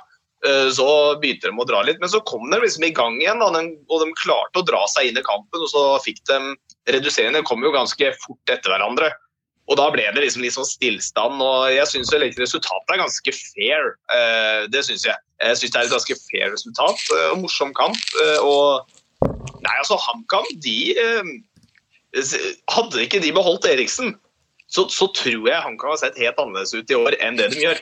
Men eh, HamKam med Eriksen, det Altså, jeg, jeg begynner å tro at jeg nesten skulle dratt dem høyere opp på tabellen min. Det, Det, det kan bli et morsomt lag å følge med på. Eh, Jeg tror HamKam kan bli morsom i år. Jeg syns dem var eh, rett og slett imponerende. Altså. Det var et lag som virkelig jobba og blødde for hverandre. Og, og ja, som jeg snakka om i stad når det gjelder Jerv, Ålesund og HamKam, du får mye gratis når du er nyopprykka, og det er eh, fullsatt stadion. Og jeg må si ramma rundt kampen, det var jo litt sånn euforisk. Det var en perfekt første rundekamp, som du sier, Joakim, med, med, med Kanarifansen som hadde kommet mannsterke fra, fra Romerike der. og og, og Hamar-Briskeby-banden var, var på, virkelig på, på fullt kjør der. Og fint med Tifon der og mye, mye show rundt kampen. Og, og god fotballkamp med to lag som ville angripe. Mm. Og jeg synes jo det, det innhoppet til Pål André Helland der, det, det, det var jo litt sånn gammel storhet av Helland, da. For det skal han ha. Han var jævlig god når han kom inn. Han står jo bak begge måla, og to nydelige assists. Han leverer der, faktisk. Det, det, det skal sies. Og det, og det, har vi, det vet vi jo. Når, når han er skadefri, når han er fit, så er han en god spiller. Han har en meget god fot, og han har også en egen evne til å komme seg forbi eh, den han utfordrer, når han er i form. Da kommer han ofte forbi og får slått disse gode innleggene, eller kommer til skudd. og Han har en, han har en meget god fot hvis de klarer å holde han skadefri, så kan dette her være en, selvfølgelig en X-faktor hos LSK som de ikke hadde i fjor, for da spilte de Mm. knapt. Så ærlig må vi være. Og så har vi Ja. Gjermund Aasen osv., og, så videre, og det er, eh, det er en del poengspillere i LSK, men skal fader ikke kimse av dette uh, HamKam-laget, altså. Det skal du ikke. Dem, eh, det, og, og som du sier, Joakim, livsviktig at dem beholdt Eriksen. Og jeg skjønner at de ikke vil selge han. Det skjønner jeg veldig godt. Og det som også er litt spennende nå, er det at du tenker litt på i forhold til å få en sånn flying start. Så Jerv, både Jerv og Ålesund har litt uh, tidig, uh, litt, litt vanskelig program framover med en del kamper. Men HamKam har på papiret to kamper på rad nå som er helt gjennomførbare. Altså som er mulig å vinne. Når de møter neste. De møter Tromsø borte og så Sandefjord hjemme. Ja. Ja, og det, det, så, så om HamKam står med minst fem poeng, om kanskje ikke sju poeng etter tre eliteseriekamper Skal ikke se bort fra det, og med en sånn start så bygger du momentum. Uh, og det, det kan være alfa og omega. Uh, så Men, men litt, litt svakhetstegn når du leder 2-0 og mister det på hjemmebane. Men igjen, det er mot Lillestrøm. Men, Og ja, Lillestrøm det er er ikke et fotballag. Altså, Lillestrøm er et veldig godt fotballag i Norge. Ja, og jeg må Eh, Og jeg må si er- at jeg syns han Adams han så mye mer giftig ut enn uh, Fridtjonsson, som står så Han er jo stor og tung, men han så tung ut òg. det syns jeg. Så han Adams, han uh, småskummel spiss. Ja, vi avslutter jo Eliteserierunden med syv poeng til det såkalte bunnlaga. Jerv eh, vinner denne fotballkampen, Ålesund vinner sin kamp, og HamKam får eh, uavgjort mot Lillestrøm i første runde. Så det er, det er ganske vel blåst, det med de syv poenga. Vi skal huske på at um, det kommer, bli, det kommer til å bli tett i år òg. Viking gjør jobben. Eh, Bodø-Glimt og RBK de deler, og så gjør Molde jobben. Det er syv poeng på topplaga også. Eh, så det er en ganske jevn runde, og det er mye jevne resultater her. 1-0, eh, 1-0, 0-1, 1-0. Det, det, det, det, det, kommer til å bli tight. Eh, Du får ikke noe Ja. gratis. Å, ja. Og det er ikke bare å møte opp på, på Briskeby, det er ikke bare å møte opp i, i Ålesund og ta tre, tre poeng. Det er ikke bare å møte opp i Drammen, det er ikke bare å møte opp i Tromsø, selv om de så litt slakta ut borte mot Odd. Altså, det er mange tøffe fotballkamper, og det, det, det, man skal ha den lille X-faktoren, og man skal ha de ekstra spillerne som avgjør hele veien der. Så uh, dette blir tight, gutta, og det er det vi elsker. Joakim, det er tid for quiz. Meran er ikke med oss i dag, men han får eh, rett og slett ta en lita dobbeltrunde neste uke. Men eh, vi kan jo kjøre en eh, fin søt en til oss to andre som er her. Vi gjør det. Eh, Vi får ta og gi Meran eh, fire muligheter til å få pluss- eller minuspoeng eh, neste uke. Eh, Og så tar vi gjennom eh, fire spørsmål i dag eh, med dere to. Ja. Eh, Da skal vi være tålig raske. Det bør gå greit. Eh, Vi kan ta det veldig enkelt. Er det noe dere lurer på med? Ja, det må dere, for det er nye kategorier. Det tar vi etter hvert, så, så jeg bare, spør, jeg bare spør om å få kategori fire, ja. Så går det bra, sikkert. Eh, Jeg kan ta det veldig kjapt. Så står dere igjen med 100 poeng på året var. Det er da toppskårer, bronsevinner, sisteplass. Der har dere den på papiret enkleste igjen. Eh, Dere står igjen med 400 og 500 i norsk europaspill. Eh, 100 og 500 i rekorder og 500 i tabellen siden 2009. Og så er det to nye kategorier. Oi, oi, oi. Og det er eh, klubbs toppskårer gjennom tidene, aktiv etter 1990. oi. Ok, mottatt. Det vil, det vil si at det er eh, liksom den toppskåreren gjennom alle tider, med, med, spiller med mest mål for den klubben i Eliteserien. Forstår. Men han har vært aktiv på 90-tallet, så det er ikke noe sånn der, eh, en eller annen Aktiv på 90-tallet og fremover. Ja. Ja, så øh, Han kan ha begynt før 90-tallet, men han var aktiv på 90-tallet. Så det er ikke noe sånn Jeg forstår. Odd, øh, han Jeg fra skjønner. 1943. Gunnar Aase Viking. eh, Jeg forstår bildet. Jeg skjønner. Ja. Og, da er, og i tillegg da, så er det neste kategori, som er rett og slett en egen kategori for Vi slår slag for stadioner. Ok, Så det er en egen kategori som kun handler om fotballstadioner i en eller annen form og setting. Hmm, det er ekkel kategori. Mm. Så det er eh, Johan som skal få lov til å kjøre ball. Det var egentlig Meran, men eh, han er jo ikke her, så da er det Johan som får lov til å kjøre ball. Kjør, da! fotballspillere toppskårere fra 90-tallet. Det nye. Ja, den nye. Hvor mange poeng legger du i bordet? 200. 200. Vi får se hvor lista ligger, ja. Det handler litt om det. List. På på jeg kan 200, stjele, jeg kan stjele her òg. Ja, ja, du kan det. På 200 så finner vi klubben Molde. Mm.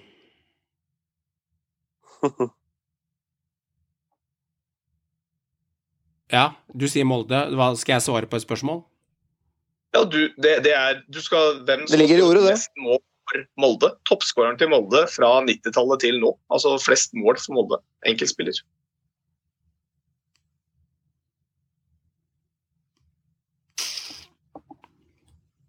Da sier vi Den er litt ekkel. Den er litt ekkel, da. Det kan være mange. Det kan være mange. Det er en vanskelig 200-spørsmål, men uh,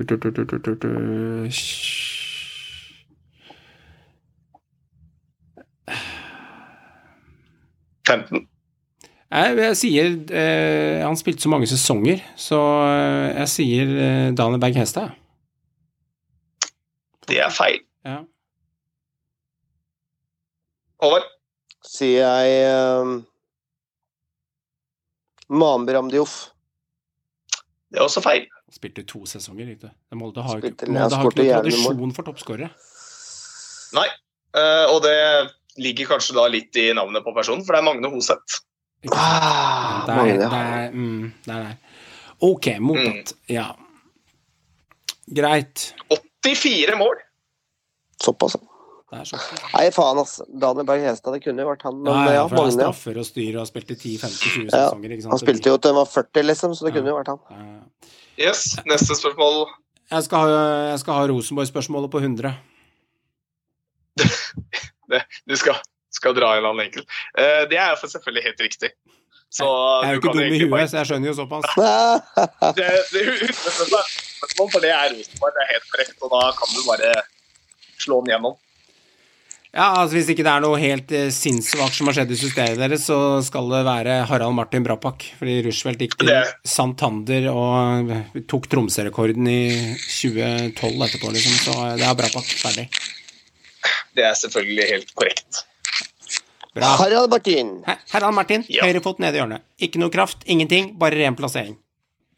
Han var, han var god på det. Altså, han var jo Sykehusspilleren. Sykeste. Sykeste, spilleren. Han ser jo ut som en kommunearbeider og en regnskapsfører, Ja, ja, men herregud, for en type. Ekstrem avslutter. Elsket Harald Martin Brapak. Det har jo Henrik Larsson uttalt. Det er en av de beste han har spilt på gjennom alle tider. Ja, det har han sagt, faktisk. Tviler ikke. Ja, Håvard, nå skal du få lov til å kjøre dine to. Jeg, eh, Nordmenn i utlandet, hva har vi igjen der, Jokke? Jeg husker ikke helt det nå. Den er stryket, den. Den Den ikke er lenger. stryket, den nå. Borte. Nei, Nei, men det var en, eh, en internasjonal internasjonalt europaspill har vi. Hva da? Norsk europaspill. Altså, det vil jo Og- være og altså, Det er ja. klubber og spillere og litt forskjellig, men det er Og, liksom og, norske og hvilke poeng har vi igjen der? Fire og fem- Oi, oi, oi. Prøv fe- 400. 400. Den er voldsom. Greit. Den er fin. Ja. Er du klar? Ja. To norske fotballspillere har spilt finale i Europaligaen. Hvem er det? I Europaligaen.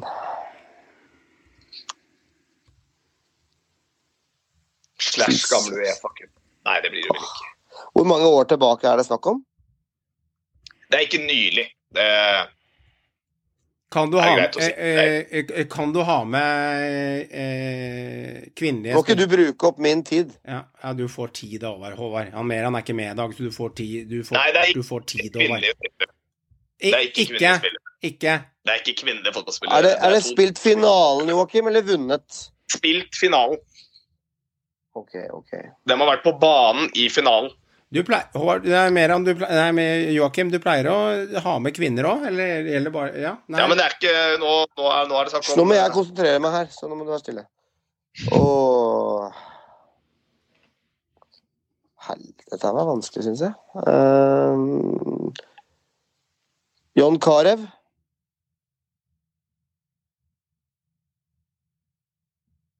Og så sier jeg Hassan El Fakiri. Det er feil. Det er- Har du to navn du har lyst til å skyte inn, Johan? Nå må du skyte nå. Uh, Ja. Nei, det er Nei, vet du, der er jeg så eh, blank på at eh, Nei, nei vet du, jeg bare sier pa- eh, Europaligaen pass. Jeg er ikke, jeg er ikke der nå. Nei det er Brede Hangeland og Erik Nevland for Fulham. Fulham i 0910. Ja, Ja, det er et 400-spørsmål verdig, for det er Det var vanskelig, men eh, ja.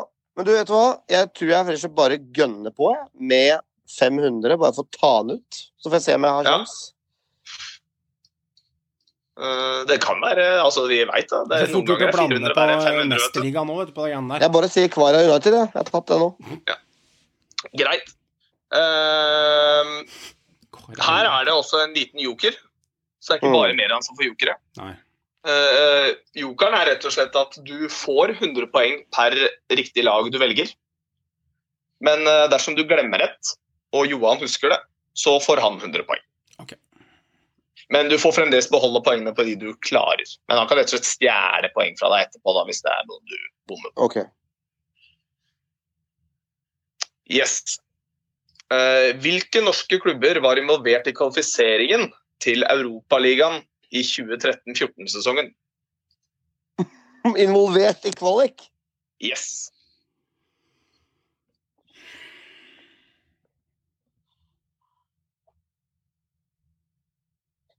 Molde. Det er 100 poeng. Ja. Rosenborg. Det er 200 poeng.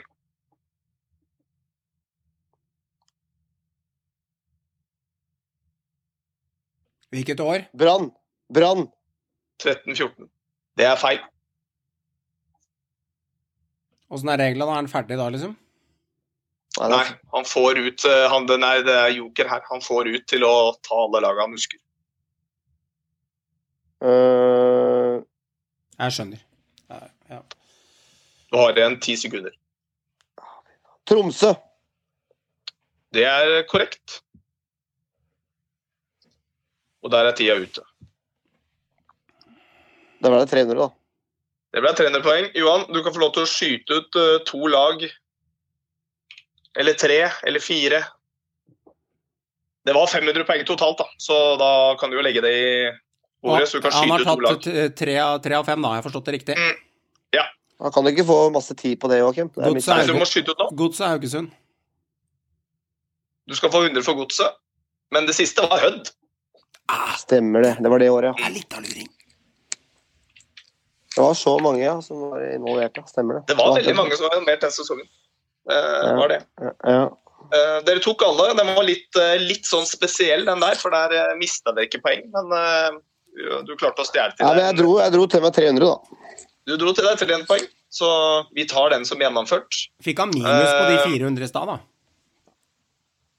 Fikk ikke noe minus, jeg. Du ikke klarte Nei. Nei. Nei, jeg får jo ikke minus hvis jeg ikke klarer det. Du klarte ikke å stjele den. Ja, du må stjele, ja. Det stemmer, det. Får ikke minus hvis jeg svarer feil. Jeg surrer, sjø. Jeg gjør, jeg gjør ikke. Håvard, du fikk eh, 300 poeng totalt. eh, Og ligger da på 2000 poeng. Eh, og Johan du dro inn 200 poeng og ligger da på 900.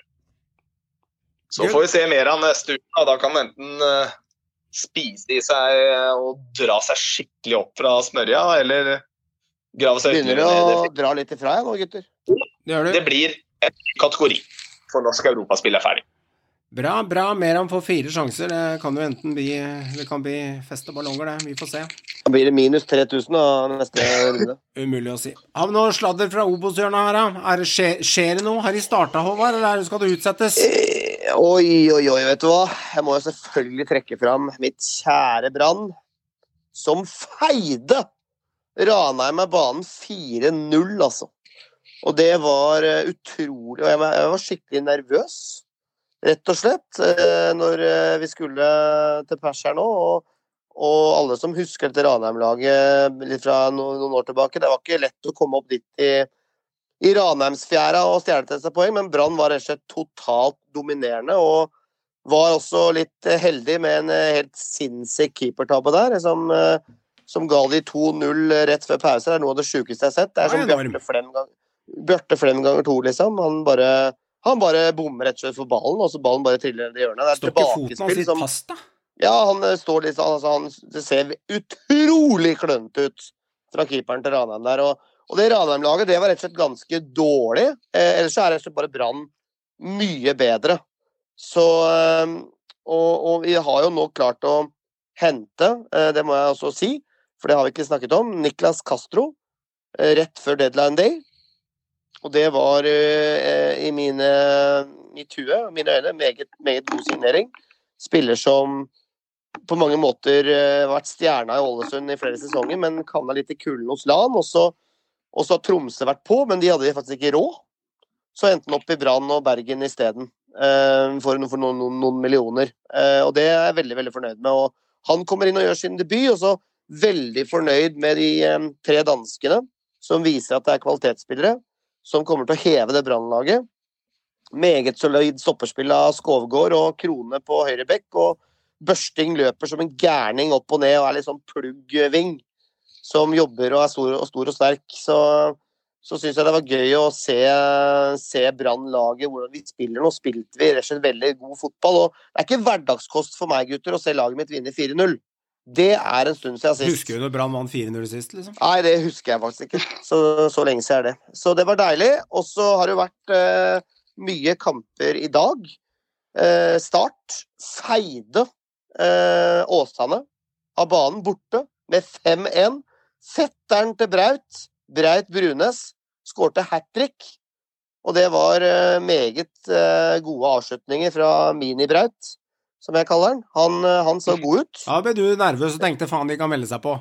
Ja, ja, ja, selvfølgelig tenker jeg det. Og det tenkte jeg uansett før de skulle spille, at, at Start blir bra. Vito spilte ikke. Han fikk jo rødt kort i, i eh, siste kamp, eh, treningskampen, så, så han spilte ikke. Men Start så veldig veldig solid ut. Åsane var spilt av banen. Og så har du Fredrikstad, som går på en blemme i dag mot eh, Blink. Stjørdalsblink hjemme 2-2, som er en av opprykksfavorittene. De brune og Martin Rønning Ovenstad vinner 1-0 hjemme mot uh, Kongsvinger. Litt sånn slitekamp. Det er sånn typisk Mjøndalen. Og han får liksom tuppa han inn, og de vinner 1-0.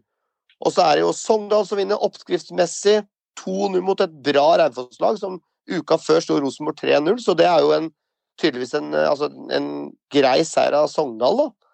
Eh, som, som vinner 2-0 hjemme på Fosshaugane mot et eh, bra Raufoss-lag som fløy høyt. Kanskje de har fløyet litt for høyt den siste uka, hvem veit. Nå kom de litt ned på jorda igjen. Og så, eh, ja, så er det kanskje det det viktigste å nevne. Og så var jo et uh, Oslo Derby, Koffa-Grorud, ender uavgjort. Uh, ja. Ja. Det er vel egentlig det jeg vil uh, si av det, det, det viktige her. Eh, men det, det og, og ikke minst, da hadde Meran blitt sinna på meg hvis jeg ikke hadde nevnt det, men Stabæk drar i land en, en eh, litt knepen 3-2-seier mot Skeid i dag på Nordre Åsen. Eh, to straffer til Stabæk. Herman Gelmuden setter begge. Og så er det Og så er det han godeste Cornelius Normann Hansen som skårer det tredje. Og Skeid eh, yppa seg litt der. Eh, Jevn kamp, visstnok. Uten at Stabæk imponerte, sier Meran. Men drar i land en 3-2-seier, og det er viktig for de såkalte topplagene har fått en litt sånn flying start nå. Så, så skal jeg skyte fra hofta, så vil det stå mellom eh, Stabæk, Brann, eh, MIF og Start i år. Ja. Ja, alle tre lagene vant, da. Alle de tre Ja. som rykka ned i fjor. Det er legge jo på to-tre til, tenker jeg, så er vi der. Nei, jeg, vet du hva, jeg har faktisk kutta noen, jeg, Krog, etter den preseason der. Så, okay. så nå, er, nå, er, nå er lista nede på fire hos meg, altså. Ja, ja, ja. Men eh, når vi kommer til litt over 17. mai, så har det økt med to igjen. For det er noen lag som har fått form. Ja, ja, ja, ja. ja. Så, og så var det jo oppskriftsmessig seier til Sandnes Ulf, og Martin Ramsland eh, blir matchvinner der. Ja. Så eh, dagen før. Ja. Så det Ja, det Obos ruller. Den er i gang. Så det blir interessant å følge denne ligaen med, med argusøyne. Kommer ikke til å følge den veldig tett. Jeg tar oppsummering av Obos, eh, Obos-hjørnet Ja. direkte på poden. Eh, hyggelig å høre at eh, Brann vant. Det fikk jeg informasjon om nå. Du fikk også det på snappen min når jeg poengterte det etter hver eneste scoring i kampen. Ja, så, prøvde litt, jeg prøvde å være litt provoserende mot deg, jeg, men resten av dagen kommer ikke til å følge jeg, jeg kommer til å pepre dere med Ja, info om Brann. Ja. enten dere vil eller ikke. Ja, ja, ja. Det er helt i orden. Jeg kan ta oppdateringa i Synseligaens pod, det. Er fint. det. Jeg følger jo med, jeg ser plinger, og det kommer på telefonen min. Så Ja, jeg følger ja, ja. med, da. Kommer noen flammer inn på Snapchatten der og greier. greier, er det mål. ikke sant? Surt ansikt det er apeansikt med sånn hender over huet. Da skjønner vi da slipper inn et drittmål sånn. Det som er litt artig, da, nå til helgen, så er det jo faktisk eh, For Brann har fått nok en lørdagskamp. Eh, eller de hadde jo faktisk ikke det, de hadde søndagskamp nå, da, men Blir de favorisert, i- for- blir de favorisert i Ja. Obos-ligaen? Obos-ligaen? Ja, ja, det, det gjør de. Selvfølgelig. Og det er ikke så rart. Ja. Det, det, det er ikke så rart når det er Brann som spiller i Obos. Så det er, eh, så det er eh, lørdagskamp, og det er bergensk derby. Det er eh, rett og slett Brann Åsane nå til helgen. Og Jeg tror det kommer til å komme tett opp mot seriøst 10 000, i hvert fall på den kampen, altså. Ja, det bør du klare når det er lokaloppgjør. Det, bør Ja, det det, det tror jeg. Det tror jeg. skal ikke ha noe tipperesultater for Obos. Det, dit kommer vi aldri, det kan jeg si deg med en gang. Men vi har å tippe resultatene for Eliteserien, eh, og det er endret litt i år. Jeg har lagt inn ett poeng for riktig seierherre, eh, som det har vært tidligere. Eh, Så har jeg lagt inn I fjor hadde vi tre poeng for å tippe riktig resultat. Eh, Den har jeg jekka ned til to poeng. Eh, Og argumentasjonen til det er at eh, det viktigste er jo å tippe hvem som vinner fotballkampen, om det blir uavgjort hjemme eller borte. Og så får resultatet, om det blir 3-1 eller 4-1, det får være en bonus med et lite ekstrapoeng. Slik at det er mest avgjørende, hvis du klarer å tippe hvem som utfallet blir, så får du ett poeng. Men du får den lille bonusen med et ekstrapoeng hvis du har korrekt. Fordi jeg har tenkt meg selv, noen ganger kommer det et straffespark på slutten, og noen ganger så er du uheldig og slipper inn et eh, tullemål på slutten, og det blir 3-2 eller 3-1, skal det avgjøre om du får ett eller tre poeng. Det er stort sprik, derfor har jeg lagt den bare som et lite bonuspoeng. Så etter første runde så har Håvard to poeng, og Meran eh, to poeng. Eh, rett og slett for at Håvard han tippa riktig resultat på eh, Odd, og det er 2-0, og det er to poeng, det. Eh, du bomma da på godset. Meran han spådde uavgjort til HamKam og hjemmeseier til Molde, så han har også to poeng. Så Meran og Håvard er likt hittil, mens jeg og Joakim har eh, null. Og det syns jeg er helt fair, for Meran treffer da på begge resultatene, mens Håvard bommer på den ene, men treffer spot on på den andre, og da får du to istedenfor tre. Det hadde vært for gæli i mitt hode nå å gi den personen som tipper riktig resultat, tre poeng, mens den andre som Meran tippa begge riktig, får bare to. Så jeg syns den er fair. 2-2. Håvard, du skal starte neste runde siden du er eh, i ledelsen. Og LSK Jerv og Kristiansund Sarp, ordet er ditt. LSK, den, eh, den kommer til å vinne den. Ok. Komfort, komfortabelt. Jeg tror det blir uh, 2-0 2-0. til LSK. Og Kristiansunds første hjemmekamp ender mot Sarp. Uh, jeg tror det blir eh, 1-1. Tenkte på det. Joakim, du får RBK som er 20 000 mot Odd på Lerkendal. Ehm, jeg tror faktisk det blir litt antiklimaks. Ja. Jeg tror, jeg tror faktisk at Rosenborg starter sesongen med to uavgjortkamper. Okay. Jeg tror Rosenborg-Odd ender 1-1. Ja, fair det. Og så skal Sandefjord ta imot uh, Bodø-Glimt. Der tror jeg Bodø-Glimt har fått eh, blod på tann. Jeg tror de skal revansjere. Ehm, jeg tror Sandra skårer et mål. Så Ruud Tveter putter sikkert det til. Så jeg tror det er med 1-3. Jeg tror Glimt eh, har funnet formen og klarer å slå ned Sandefjord. 1-3. Greit. Godset Molde. Um, Det blir 6-0, da, så kan man gå videre. jeg tror det blir 2-2, jeg. Oi. Jeg tror Molde får en skeiv start på sesongen, og så tror jeg typisk at eh, man ikke tror en dritt om godset, og så skårer de to skåringer, og eh, Valsvik på den ene og fint spill fra Gulliksen og gjengen på den andre, så da er det 2-2. Og så tror jeg HamKam eh, har løpt litt fra seg og vil avskrive Tromsø, så da ender det 2-1 til Tromsø over HamKam oppe i nord. Tromsø er ingen enkel bortebane, selv om de tapte nå. Nei, nei, nei. Det kan fort ende med 2-1-seier, så det, Det, ja, ja, ja, ja. det er umulig å si. Så jeg kjører de resultatene, og så kjører vi Enga Haugesund på Meran. Han sier 1-1. Og så sier han Viking Ålesund 3-1, har jeg fått meldt fra Mæland. Hjemmeseier der til Viking. Så da har, vi, da har vi resultatene klare, vi. Så ikke sett husland, kjerring og unger på dette, men eh, en tier eller to i tippekupongen er lov, men ikke noe mer enn det. Der var eh, første eliteserierunde i hvert fall vel blåst. Vært igjennom det meste. Vært igjennom alle resultatene. Vært igjennom bunnlaga som fikk sju poeng, som vi har eh, nevnt et par ganger. Topplaga fikk sine sju poeng. Det er eh, bøtte tett på midten. Fantasy er tatt igjennom. Men gutter, til uken Glimt-Roma. Det er nesten sånn, Håvard, at når Eliteserien har starta nå, så er det nesten som man har glemt at Glimt fortsatt er med i Europacupen. Altså, de, vi, vi nevnte for to-tre uker siden at de kan vinne hele, hele driten, og nå plutselig er vi der igjen. Ny mulighet, nye, nye tanker. Mourinho, Mourinho på besøk. Ja, dette blir et mareritt. Hva tenker dere? Mourinho 2-0! Det er, og det verste er at det er Mourinho du, det er Mourinho du tenker på, ikke Roma. Det er det som er sjukt. Ja. Det er han du tenker mest på. Hvem er det som spiller på Roma, tenker folk. Det er bare Mourinho man tenker på. Men det som er helt sikkert og visst, da, det er at uh, Mourinho og Roma har lært, vil jeg tro. De kommer ikke til å komme med det derre ennå. halv, halvslappe presset og den eh, småarrogante måten å tilnærme seg denne kampen og snakker om kulde og kunstgress og det er artig å møte Bodø-Glimt, liksom. Mm. De veit veldig godt hvem Bodø-Glimt er nå, eh, etter de kampene de har hatt mot dem allerede, og ikke minst med tanke på hvem Glimt har stått ut på veien. Så dette her kommer til å bli jævlig jevnt. Første kampen er på Aspmyra. Den, eh, den er da allerede på torsdag.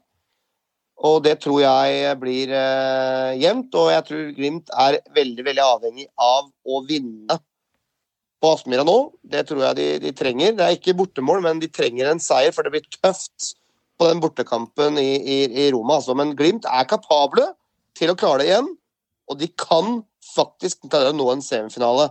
Og det vil jo være helt ellevilt. Så, men det, noe lett oppgave blir det ikke, altså. Nei, det var vel, vi nevnte vel ganske kort at eh, i hvert fall jeg mener jeg nevnte ganske kort tidligere at jeg tror om det var til dere på, om det var på pod, vet jeg ikke, men det var nok det verste laget de kunne trukket i hele den potten der. For det har noe med det at eh, Vi snakka som Rekdal som taktiker. Ja. Men eh, hvis det er én person som er blitt kjent som en ekstremt dyktig taktiker i fotball de siste 10-12 årene, så er det Mourinho. Og den eh, vi vil si det som det er, den flausen han opplevde sist, Ja.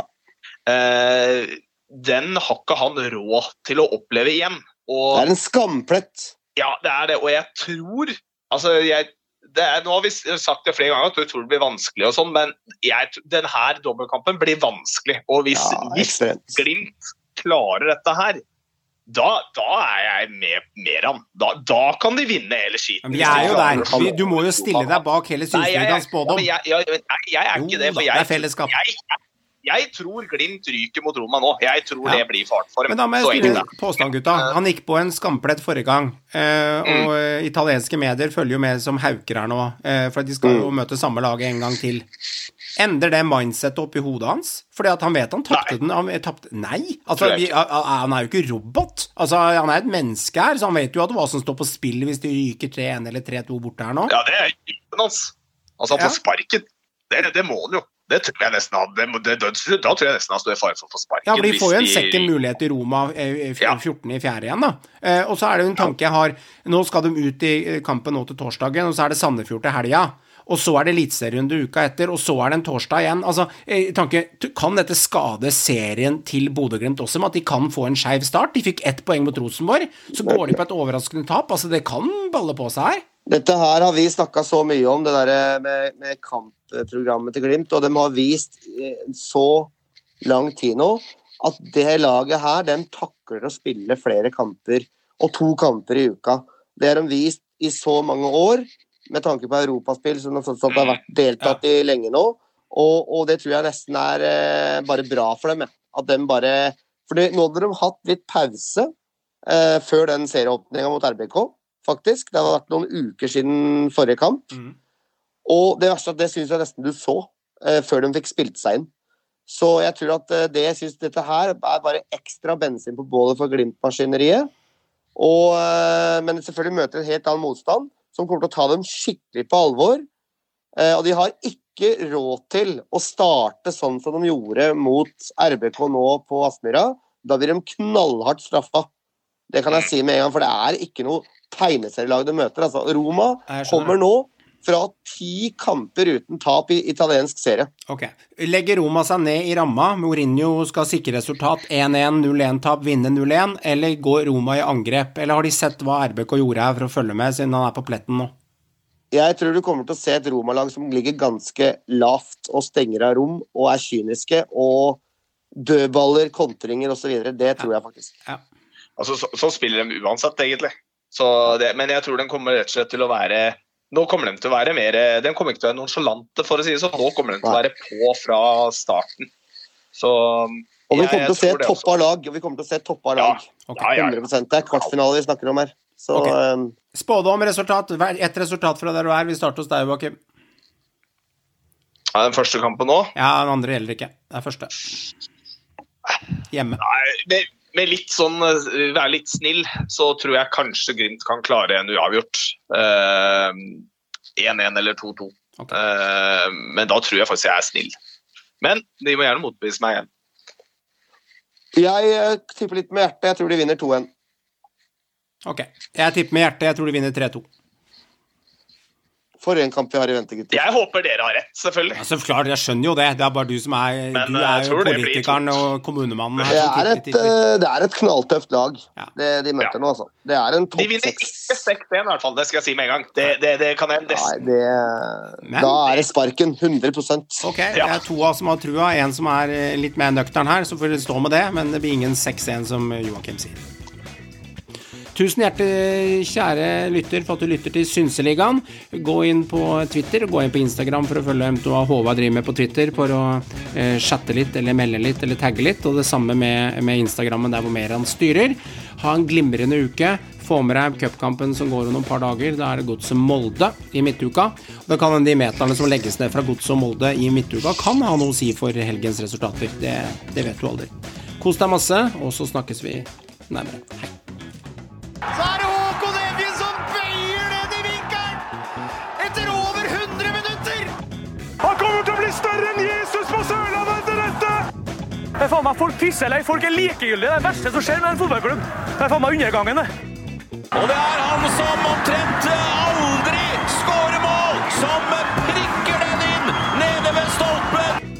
Det, det jeg gleder meg mest til, det er alle diskusjonene som kommer, og alle som kan alt om fotball, som dukker opp igjen og, og vet fasiten.